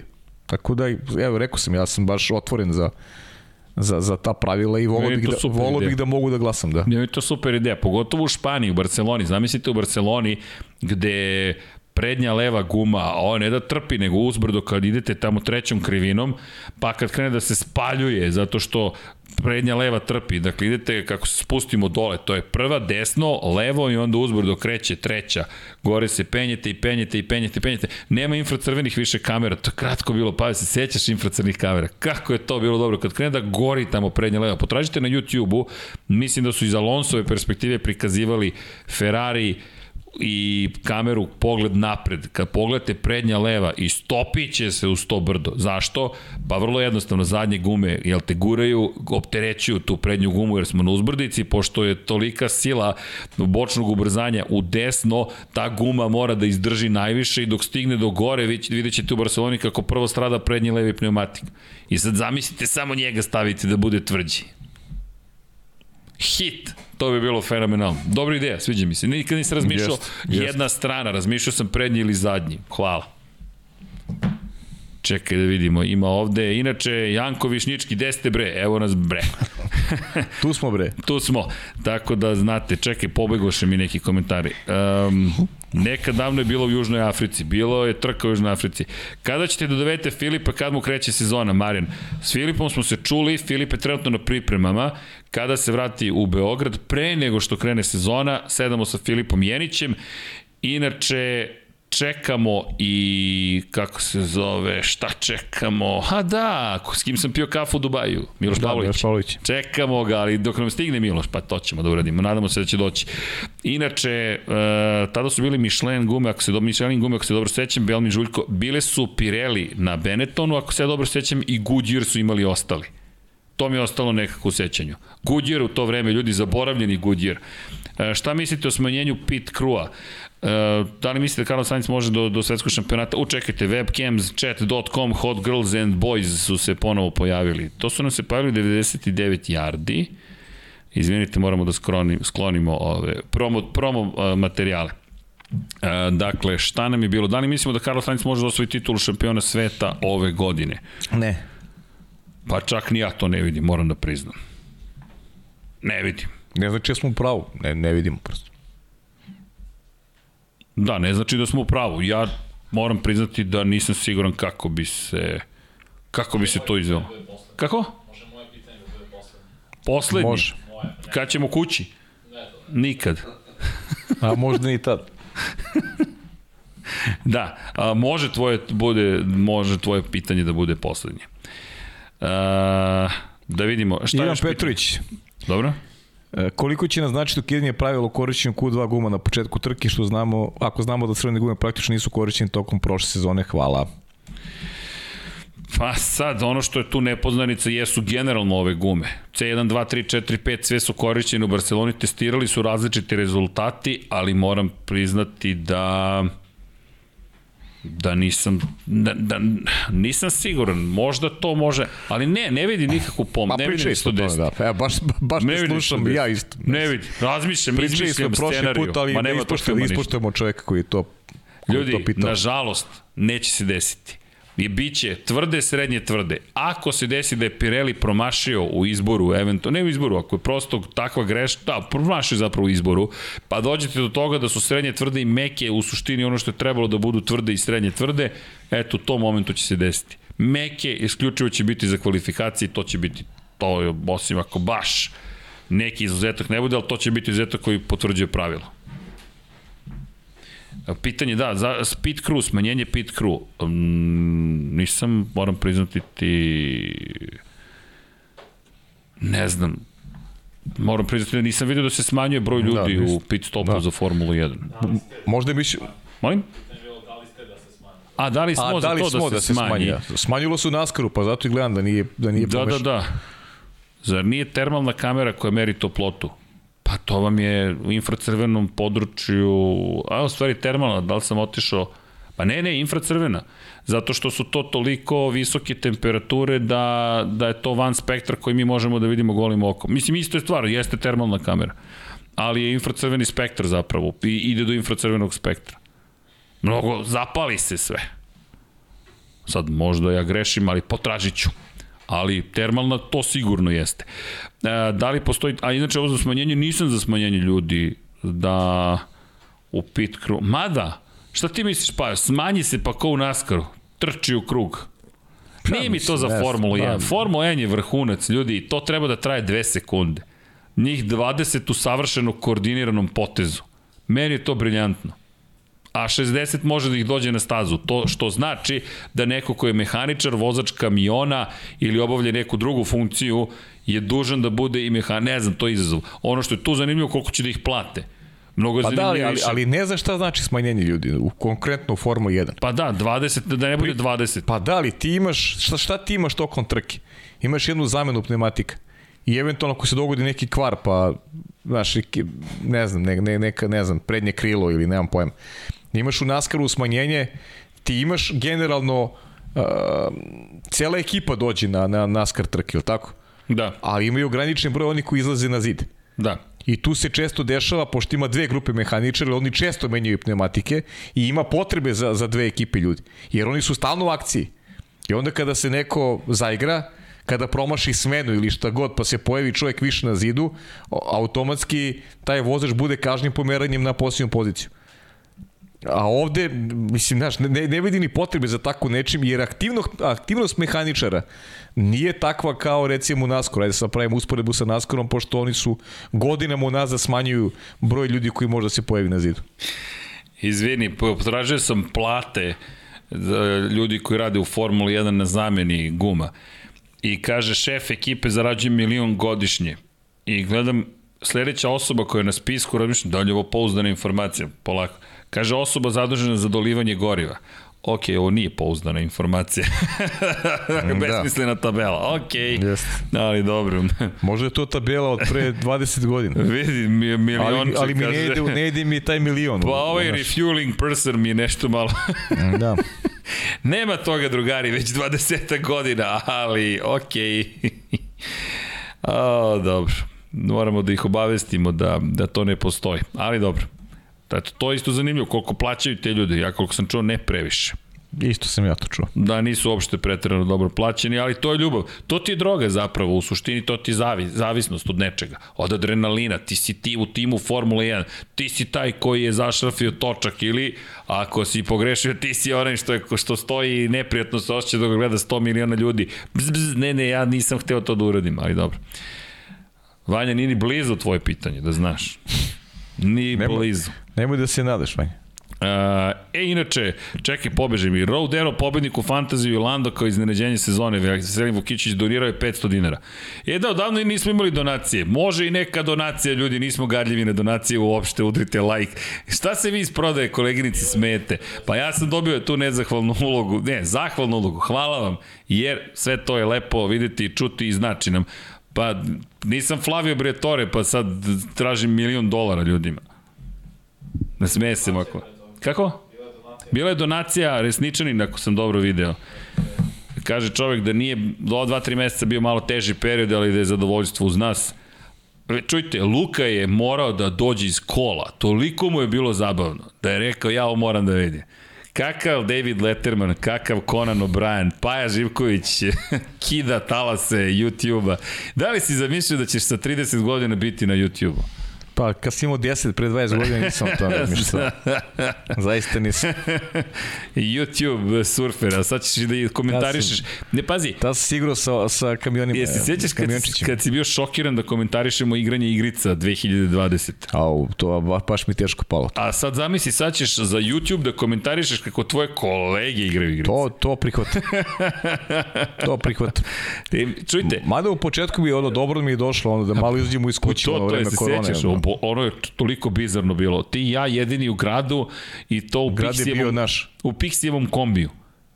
Čekaj, Pixijev da. kombi. I ti moraš da sediš pozadi kad, ako nas zaustave da ti ne budeš bili, blizu da, da, mene. jeste, vozeći Miss Daisy. Jeste, kombiju smo bili, da. Sve sa maskama i propusnicama specijalnim.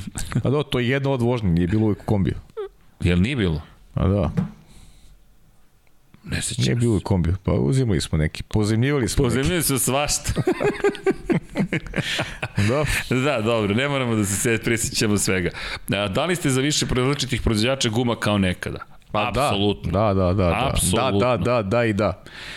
E, Evo, pitanje koji je kod za ligu? Evo, stavit ću i kod za ligu, ali imate link pinovan direktno da vas vodi na kod za ligu. Evo ga. Dakle, pita Vuk Cvetković, e, ako se poveća trajanje pit stopa, onda se smanjuje šansa za dva pit stopa i agresivnije strategije. Pa, znate, kako, zavisi. Jer ako povećate trajanje pit stopa, svima se povećava trajanje pit stopa, ali, aha, ako vas dobro razumim, poveća se i onda neko ko je ostao duže na stazi može više da uštedi zato što je smanjio za jedan pit stop.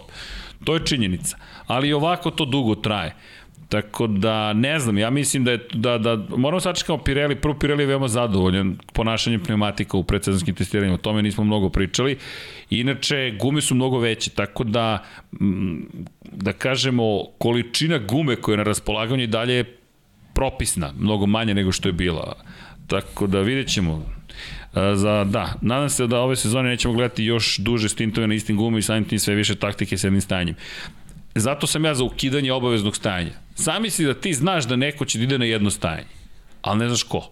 I nema ono obavezno stajanje, nego nema uopšte sta, ne mora da stane uopšte. I izvučeš maksimum iz tog Pirelija. A ne, Potpisujem. meni bi to bilo zanimljivije. Hoće li kolega Baković, voditelj F1 sa SK Hrvatske, biti gost u podcastu? Vrlo, da ne? vrlo rado. Pa možemo vrlo da rado. pozovemo drugare koji su Pa komentarisali možemo, prošle da. godine. Pa da, samo da organizujemo, da, da Može, može, može. može, može. Može. Da, lepo imali smo onaj, studio, smo imali Jeste. vrlo, vrlo lep na kraju prošle godine. Uh, Zlatan Karović, kako Pirelli odlučuje koju tvrdoću guma priprema za koju trku? Ima li ti utjecaj timove ili Pirelli diskrecijno to radi? To ne znamo, to je lobiranje. Dakle, prilično sam siguran da će i Toto Wolff i Christian Horner i Ginter Steiner otići kod uh, predstavnika Pirelija kod Izole i reći vidi nama bi više odgovaralo i dati povratne informacije. Lobiranje uvek postoji, to vam je sentite s neki na kafu, to je klasično lobiranje takođe. Jer, ali tu je stvar u, nekoliko, ima tu par stvari. Pirelli mora da vodi računa o svojoj reputaciji, koja je u više navrata bila dovedena u pitanje jer su stradali pneumatici. I onda ide na onu bezbedniju varijantu. Daj da mi pripremimo pneumatike koji sigurno neće eksplodirati tokom trke između ostalog verujem da zato ne žele da dozvole da, da nema da nema trka bez, to je da ima trka bez stajanja, a svodi se na podatke i na to šta im se događalo u prethodnih godina. Drugo, vi, vi već u velikoj meri znamo karakteristike staze. U Silverstone niko neće doći sa gumama koje nisu najtvrđe moguće. Niko. E, ne samo, š, e, em što smo imali eksplozije, eksplozivne defekte guma, em što znamo koliko je to zahtevna staza po pitanju bočnih ubrzanja. Uh, refuel, uh, refueling person can sus, sus uh, da. Uh, 2010. zadnje u kojoj se dolivao gore. Da li postoji teret da ti imaju koriste zasebne vazdušne to, od onih koji su prvni kod FIA, to je za radio tajnosti. A na to mislite? Uh, pa znate kako, to niko od nas ne može da dokaže. Zna, e, tu ima... To, to kad bi se dokazalo, neko bi ovaj, platio ogromni ceh. Pa da, ali gde je tu problem? Zašto su prednosti proizvođači automobila? Ne morate vi da testirate Formulu 1, ali sticam okolnosti vaši inženjeri testiraju neki sportski automobil koji ima nešto što liči na deo Formule 1. Pa vi onda bolje znate kako nešto funkcioniše. O tome se odavno priča zapravo, ali to sada proverite, to mi na nivou McLarena. Neko je napravio mim, to sam video, koji je naj, uh, najbrži Ferrari svih vremena i prikaz McLarena iz 2007. koji je bio kopija Ferrarija zapravo. Neko je navodno u fotokopirnicu otišao i fotokopirao planove Ferrarija, pa ga je slučajni fotokopir uh, shvatio je šta mu je u rukama i prijavio je Međunarodnoj automobilskoj federaciji. A onda je Dabar došao i zamotao čokoladu. Prosto zna se da je Fernando Alonso takođe posle onog incidenta u Mađarskoj 2007. otišao kod FIA i da, da svedoči da je McLaren zapravo kopirao Ferrari. Pa su se opet pomirili. I tako. A, ambroze, abrazivnost asfalta, očekivane temperature i tako to. Pa da, to su sve stvari koje, koje uticu. Srki kaže, pa da mu preporučujem film o Željko Obradović i tebi se Srki preporučuje film i da Red Bull može da odbrani titul. Sigurno može. Što se Da. tiče dokumentaraca, pogledat ću po, volimo sve da gledamo. da. Hoće li biti Fantasy Liga poziv zbog jasne najčešće zbog sam zavolio F1 futbol hype. 100, hvala. Ka, nema futbol hype, F1 hype. Šalim se, naravno i futbol mi, vol, i futbol mi volimo. Ali imate link za ligu, imate i kod za ligu, kliknete, link je pinovan u četu, pa samo kliknete i odete na Fantasy i učlanite se da se tu svi zajedno malo zabavljamo. Ove godine tim Serceg 1 preti. Ove godine ću ozbiljno da pristupim takmičenju. Nema više Navijam za tebe. No more Mr. Nice Guy. O, 52 ekipe su prijavljene. To, drugari, ajmo do 1000 ovde. Nema, kako do 5000. Luka, jesi Šerova, to, da, da, da, pa to ti kažem. Na Luka, naš čovek. Luka, dobro, nekom drugom prilikom. Jesam nekom obećao nešto u subotu da ću spominjati? Ne mogu ni nešto smo. Da, procep postoji u komunikaciji. Evo neko, Stevie G 8 na MM93 donirao 300 dinara. To Stevie G. Hvala. Jel ćeš uh, Patreon, ja? Uh, je da, da, čekaj, čekaj da vidimo. treba. K, uh, Ivan Serti, sad pita Srki, si popratio Krega vezano za komentarisanje Amira, da, da mi je podnijek, tvoje mišljenje ako jesi. Ba, Ivane, to je Biblija, mora da se prati Craig Scarborough, moraju da se prate svi ti ljudi.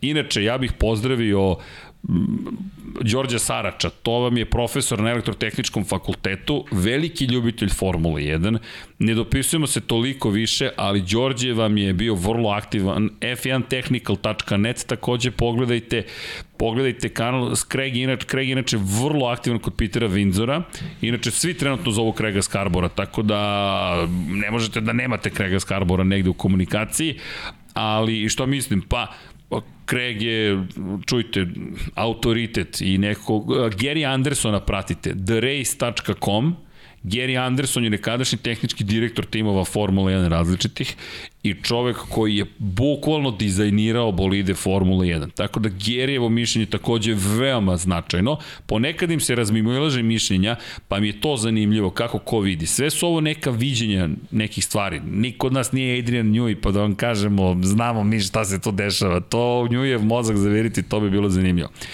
Zašto su timovi na testu imali problem sa dostizanjem minimalne dozvoljene težine?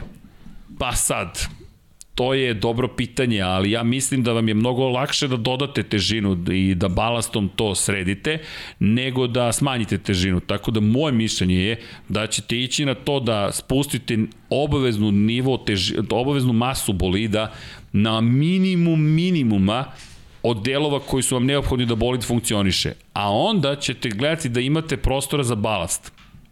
Jer to se to se takođe radi. Gde ćete da postavite određenu masu?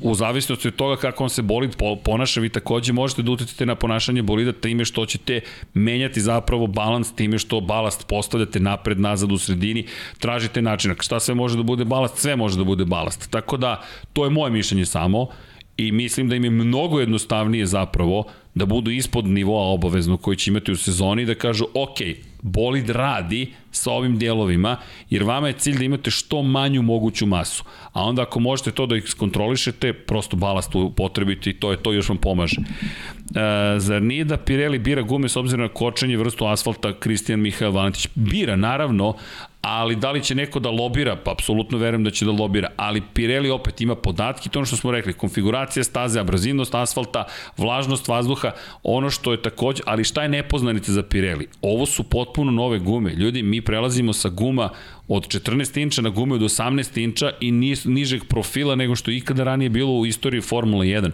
Za sve nas je ovo potpuno novo. Zato su ova testiranja u Barceloni toliko važna i zato su bila važna testiranja guma za ovu sezonu prošle godine na kraju sezone posle poslednje trke u Abu Dhabiju. Pirelli nema te podatke. Ako pričamo o podacima, ovolicko ih je minimum minimuma u odnosu na sve ono što je imao do sada. Evo, Tako da, od ove godine Naska koristi e, gume od, od 18 inča i, i evo sad u Fontani recimo baš je bilo ozbiljna potrošnja. Rekao bih to to. No, mnogo veće nego što je bio slučaj prošle godine i dosta vozača imalo, imalo te gumne defekte, tako da i su dobro imeli gume i uticale na, na isko trke. Jer evo, mi idemo u Bahrein, mi nemamo pojma kako će se te gume ponašati u Bahreinu. Ne znamo, ne znamo ništa. Ništa. Kad dođu na, na pesak, zatim, kada se nađete u prljavom vazduhu, pa nije odjednom taj vazduh postao savršeno neturbulentan. Ne, tu će se stvari dešavati. Inače, Josip Kovačić, samo da se donira pozdrav svima. Hvala Josipe. Pozdrav Josipe, nadam Hvala. se da nisi u kamionu večeras. ali ima oznaku Jeep. Da. To. Vuk, uh, Vukašin Vučenović, balasto može da se utiče na Alonsa, ne samo na masu. može, fakat. ok. Mačak from Čačak, Hot Paja and Crki, da, upadaju nam ovi webcams, chat.com, hot girls and boys video chat. A, dobro, šta će? A dobro, našli su, našli su. Mark, Znaju ko je najbolje, gde je najbolje reklama. Da, znaju da Inače, porpoising mišljenje za, ponaš, za efekat morskog praseta. Pa mišljenje nam je da će to, da to zaista može da ima ozbiljno utjecaj. U prvih, da. pogotovo 5-6 trka. Kasnije, naći će oni rešenje. A, sigurno, sigurno. Gotovo, ono što je autosport izneo, to je zanimljivo, a to jesu moguće, moguće političke borbe koje će se sada desiti između timova. Zašto? Pa, jedan od članova pravilnika i kaže da će zapravo biti, e, kada govorimo o 1-2 da, da, da kako se zove, 1.22, ako sam dobro zapamtio, da imamo u celoj situaciji potencijalnu igranku u kojoj, ukoliko dovoljno broj timova utiče na Međunarodnu automobilsku federaciju, bi mogli da primene trenutne izmene pravilnika. Dakle, bez potrebe da se, jer to može da, da, da može, sad samo da vam potražim tačan član na osnovu koga, Dakle, imate mogućnost ukoliko ovo utiče na bezbednost bolide, tako je, član 122 tehničkog pravilnika, svaka promena koju donese Međunarodna automobilska federacija iz bezbednostnih razloga stupa na snagu istog trenutka, bez prethodne najave ili odlaganja. Dakle, ukoliko timovi kažu u Međunarodnoj automobilskoj federaciji, ej, ovo utiče na bezbednost vozača, FIA može da kaže menjamo tehnički pravilnik i nešto uvodimo što će da pomogne kod efekat morskog praseta, to je purposing, to jest, šta smo rekli? Poskakivanje. Poskakivanje, Poskakivanja. Da. Tako da, zanimljiva politička igra bi tu mogla da se desi. Tu se slažemo u potpunosti s ono što su napisali. To je Jonathan Noble napisao, čovek koji inače decenijama već je u Formuli 1 i koji piše za autosport, ali kažem, to je deo motorsport.com, cele, cele grupe, mreže koje se udružila, Motorsport Network takozvani, Tako da Jonathan Noble, pre, topla preporuka, pratite ga, je izneo vrlo dobro mišljenje, jer ne treba vam takozvana super većina gde moraju timovi da donesu većinsku odluku da se nešto promeni. A prilično sam siguran da McLaren neće biti na strani timova koji imaju probleme sa poskakivanjem s obzirom na činjenicu da odličan posao uradio. Eto, tako da znate. A, kakav je utjecaj Ivičnjaka na novi profil guma Rado Šimić? Ne znamo, ne znamo, to čekamo da vidimo, da, da, da, dakle, da vidimo šta bi tu moglo zaista da se desi. To je ono što čekamo. Jer jednostavno kada prvi put pređete preko ivičnjaka pa vidimo da li su pokidane, da li su potrošene. Kad prvi put u Francuskoj neko produži dalje pa vidimo kakav će efekat imati na njih. E, kakav narativ bi vam bilo prijatno izneđenju u ovoj sezoni šta bi se moralo desiti da budete razočarani sezonom? Pa, razočaranje, pa da, da, da neko dominira pa, u potpunosti. Pa da, da neko pobedi u prvih pet trka, recimo. Eto. Da. Da, da, to, to je bukvalno... To je strah svih nas koji volimo ovaj sport. A... Tako je a nismo navijački zainteresovani. E, da li su sad da li sad koristi identične gume u Formuli 1 i Formuli 2? Ne, ne, nisu ni blizu. Da, Možda nikad, nikad ma, ni... ne mogu ljudi, ovaj bolidi imaju preko 1000 konjskih da, snaga da. u Formuli 1. To može da vam liči da su iste, nisu ni blizu jedne drugim. A inače koji bi narativ bio prijetno iznenađenje? Williams i Haas da se bore za titulu. Da, dobro, sad. Na primjer, ili baš. da se bore za visoke pozicije. Na primjer. Pa iskreno ti kažem, meni ajde ne idem tako daleko, da, da, da kažem nešto što je možda realnija opcija. Da. Da Ferrari i McLaren pobeđuju češće nego što je bio slučaj prethodnih godina. Jer očekujem da će, da će Mercedes i Red Bull biti na nekom onako prepoznatljivom nivou. Potrebno nam je da Ferrari i McLaren, oni su te ekipe koje imaju potencijal da učine tu trku zanimljivijom i da malo poremete taj balans koji postoji između ove dve ekipe. Ne verujem tu neko još možda da se uključi. I to, eto, to je nešto što, ali što bih ja volao da se dogodi. Šta mislim o tome? Pa govorili smo i ranije, ali, ali bih volao da se to desi. Inače, Slobodan Prijević kaže lako se rešava. Purposing, bušenjem podali se gubi na downforce-u, tako da nije opasno ako se može rešiti. Slobodane, vi ste u pravu 100%, ali da li će vaše mišljenje podeliti ti šefovi timova koji znaju da gubi na brzini ako to urade? Zato je to politička igra, zato što ukoliko mogu da pokažu i dokažu da je to bezbednostni problem, onda može da se desi promena. Ali ne verujem da će uspeti u tome ili se makar nadam. Da li se Toto i Horner plaša Andreti zbog veze sa Liberty Medium potencijalnim ustupcima? Pa moguće, moguće. Moguće, ima. pa preventivno. Moguće. Da. Opet video chat, čekajte. Da, da li će biti iznenađenje ove godine? Hoće, sigurno sad. Ko će biti iznenađenje? Ne znam, ja se nadam to. Aston Martin, da, opa, Luka dode Aston Martin, imamo navijača Aston Martina. Lepo bilo Fetela da vidimo. A Fetel, ovde imamo navijača Sebastijana Fetela, jeste, da. može, može. E, McLaren je inače Belmin Žuljko kaže i prošle godine radio sa difuzorom i podnicom fenomenalan posao, svaka čast za inženjere. Slažem se, uradili su zaista veliki posao. Evo, da, Aleksa Brunović potvrdila da će Mazepin ostati u Hasu ili pod nervnom zastavom. Da, to smo pričali. Da, da, pa Mogu dobro, da voze. Da. Može kod za ligu ponovo. Evo kod za ligu Stiže, stigao Nikola. I inače Pivke, da, bio je već pod neutralnom zastavom, pa to smo pričali. To je jednostavno vadina kazna Međunarodne autodoping agencije koja je zabranila da u svim svetskim šampionatima ruski takmičari i takmičarke nastupaju pod svojom zastavom, zato u Formuli 2 su mogli pod ruskom zastavom, u Formuli 1 nisu jer je to svetsko prvenstvo. Da, da, to je, eto, makar negde se ovaj, mogu da se takmiče, bar eto, to je... Da, E sad ne znam, 1, 2, 3, Kigen neko, uh, ili je ljut na nas ili ljut na nekoga, ali pošto ste e, noti, morat ćemo da vas stavimo u da kako da uđemo u ligu uopšte. Boško, klikni gore na link i sve će biti u redu. Tako da znate, samo kliknite na link, registrujete se za Formulu 1 i to je to.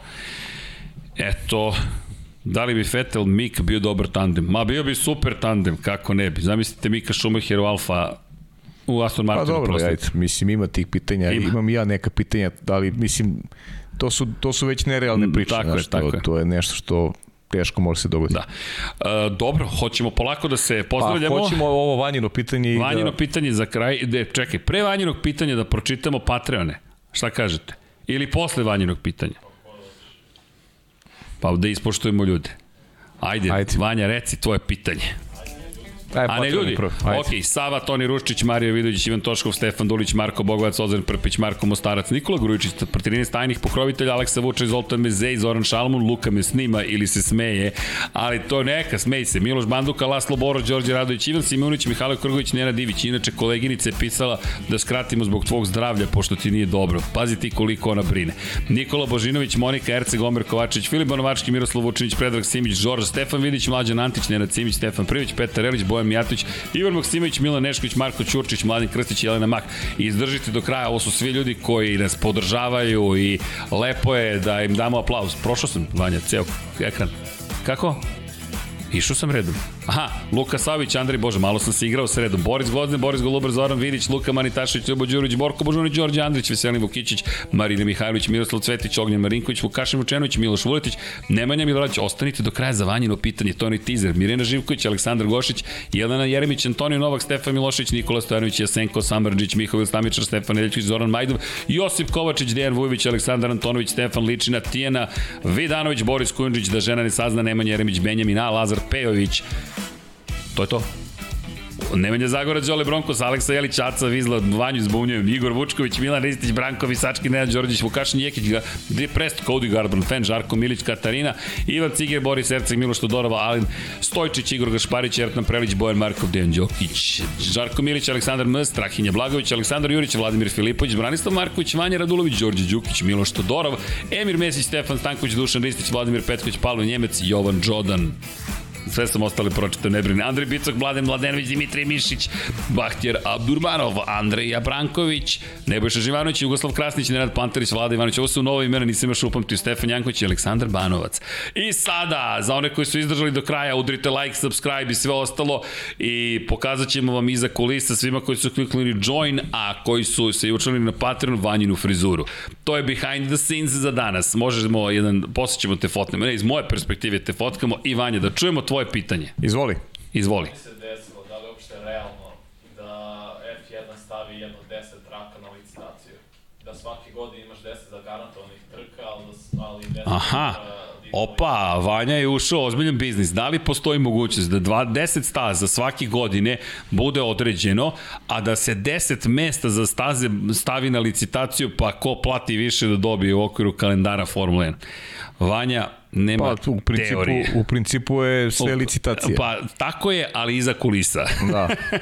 Samo što ne možeš da baš odmrdiš 10 praznih pozicija, već moraš malo da Pa dokažeš. to ti je priča o Portimao. Tako je. Nema para, nema ni Elitizam. trkanja.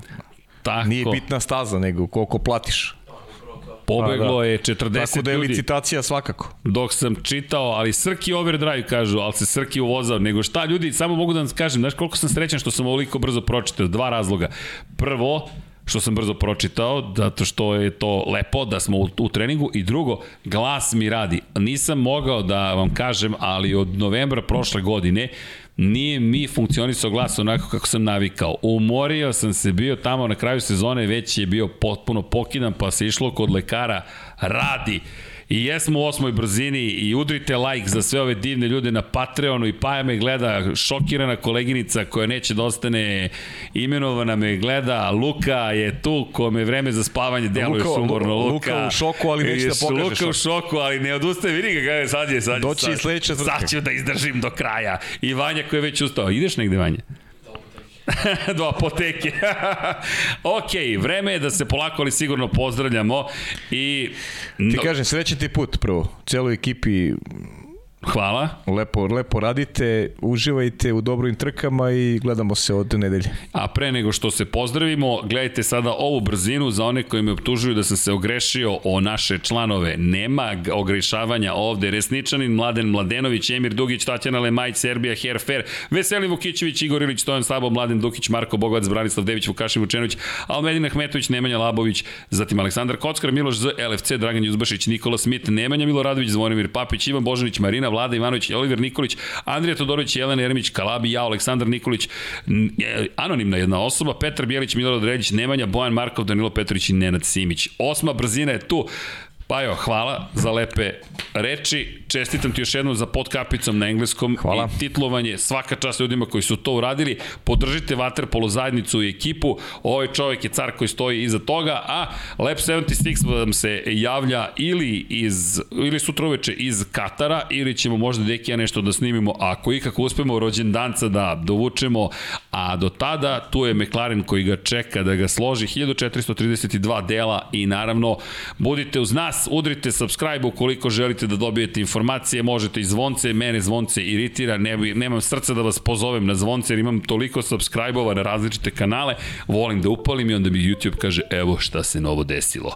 Ali, kako god da nas pratite, pozdrav za moju mamu koja je tu negde, pretpostavljam. Volim te mama, budite dobri, mazite se i pazite se, vodite i vozite računa jedni u drugima, jer lepo je biti dobar i voleti se.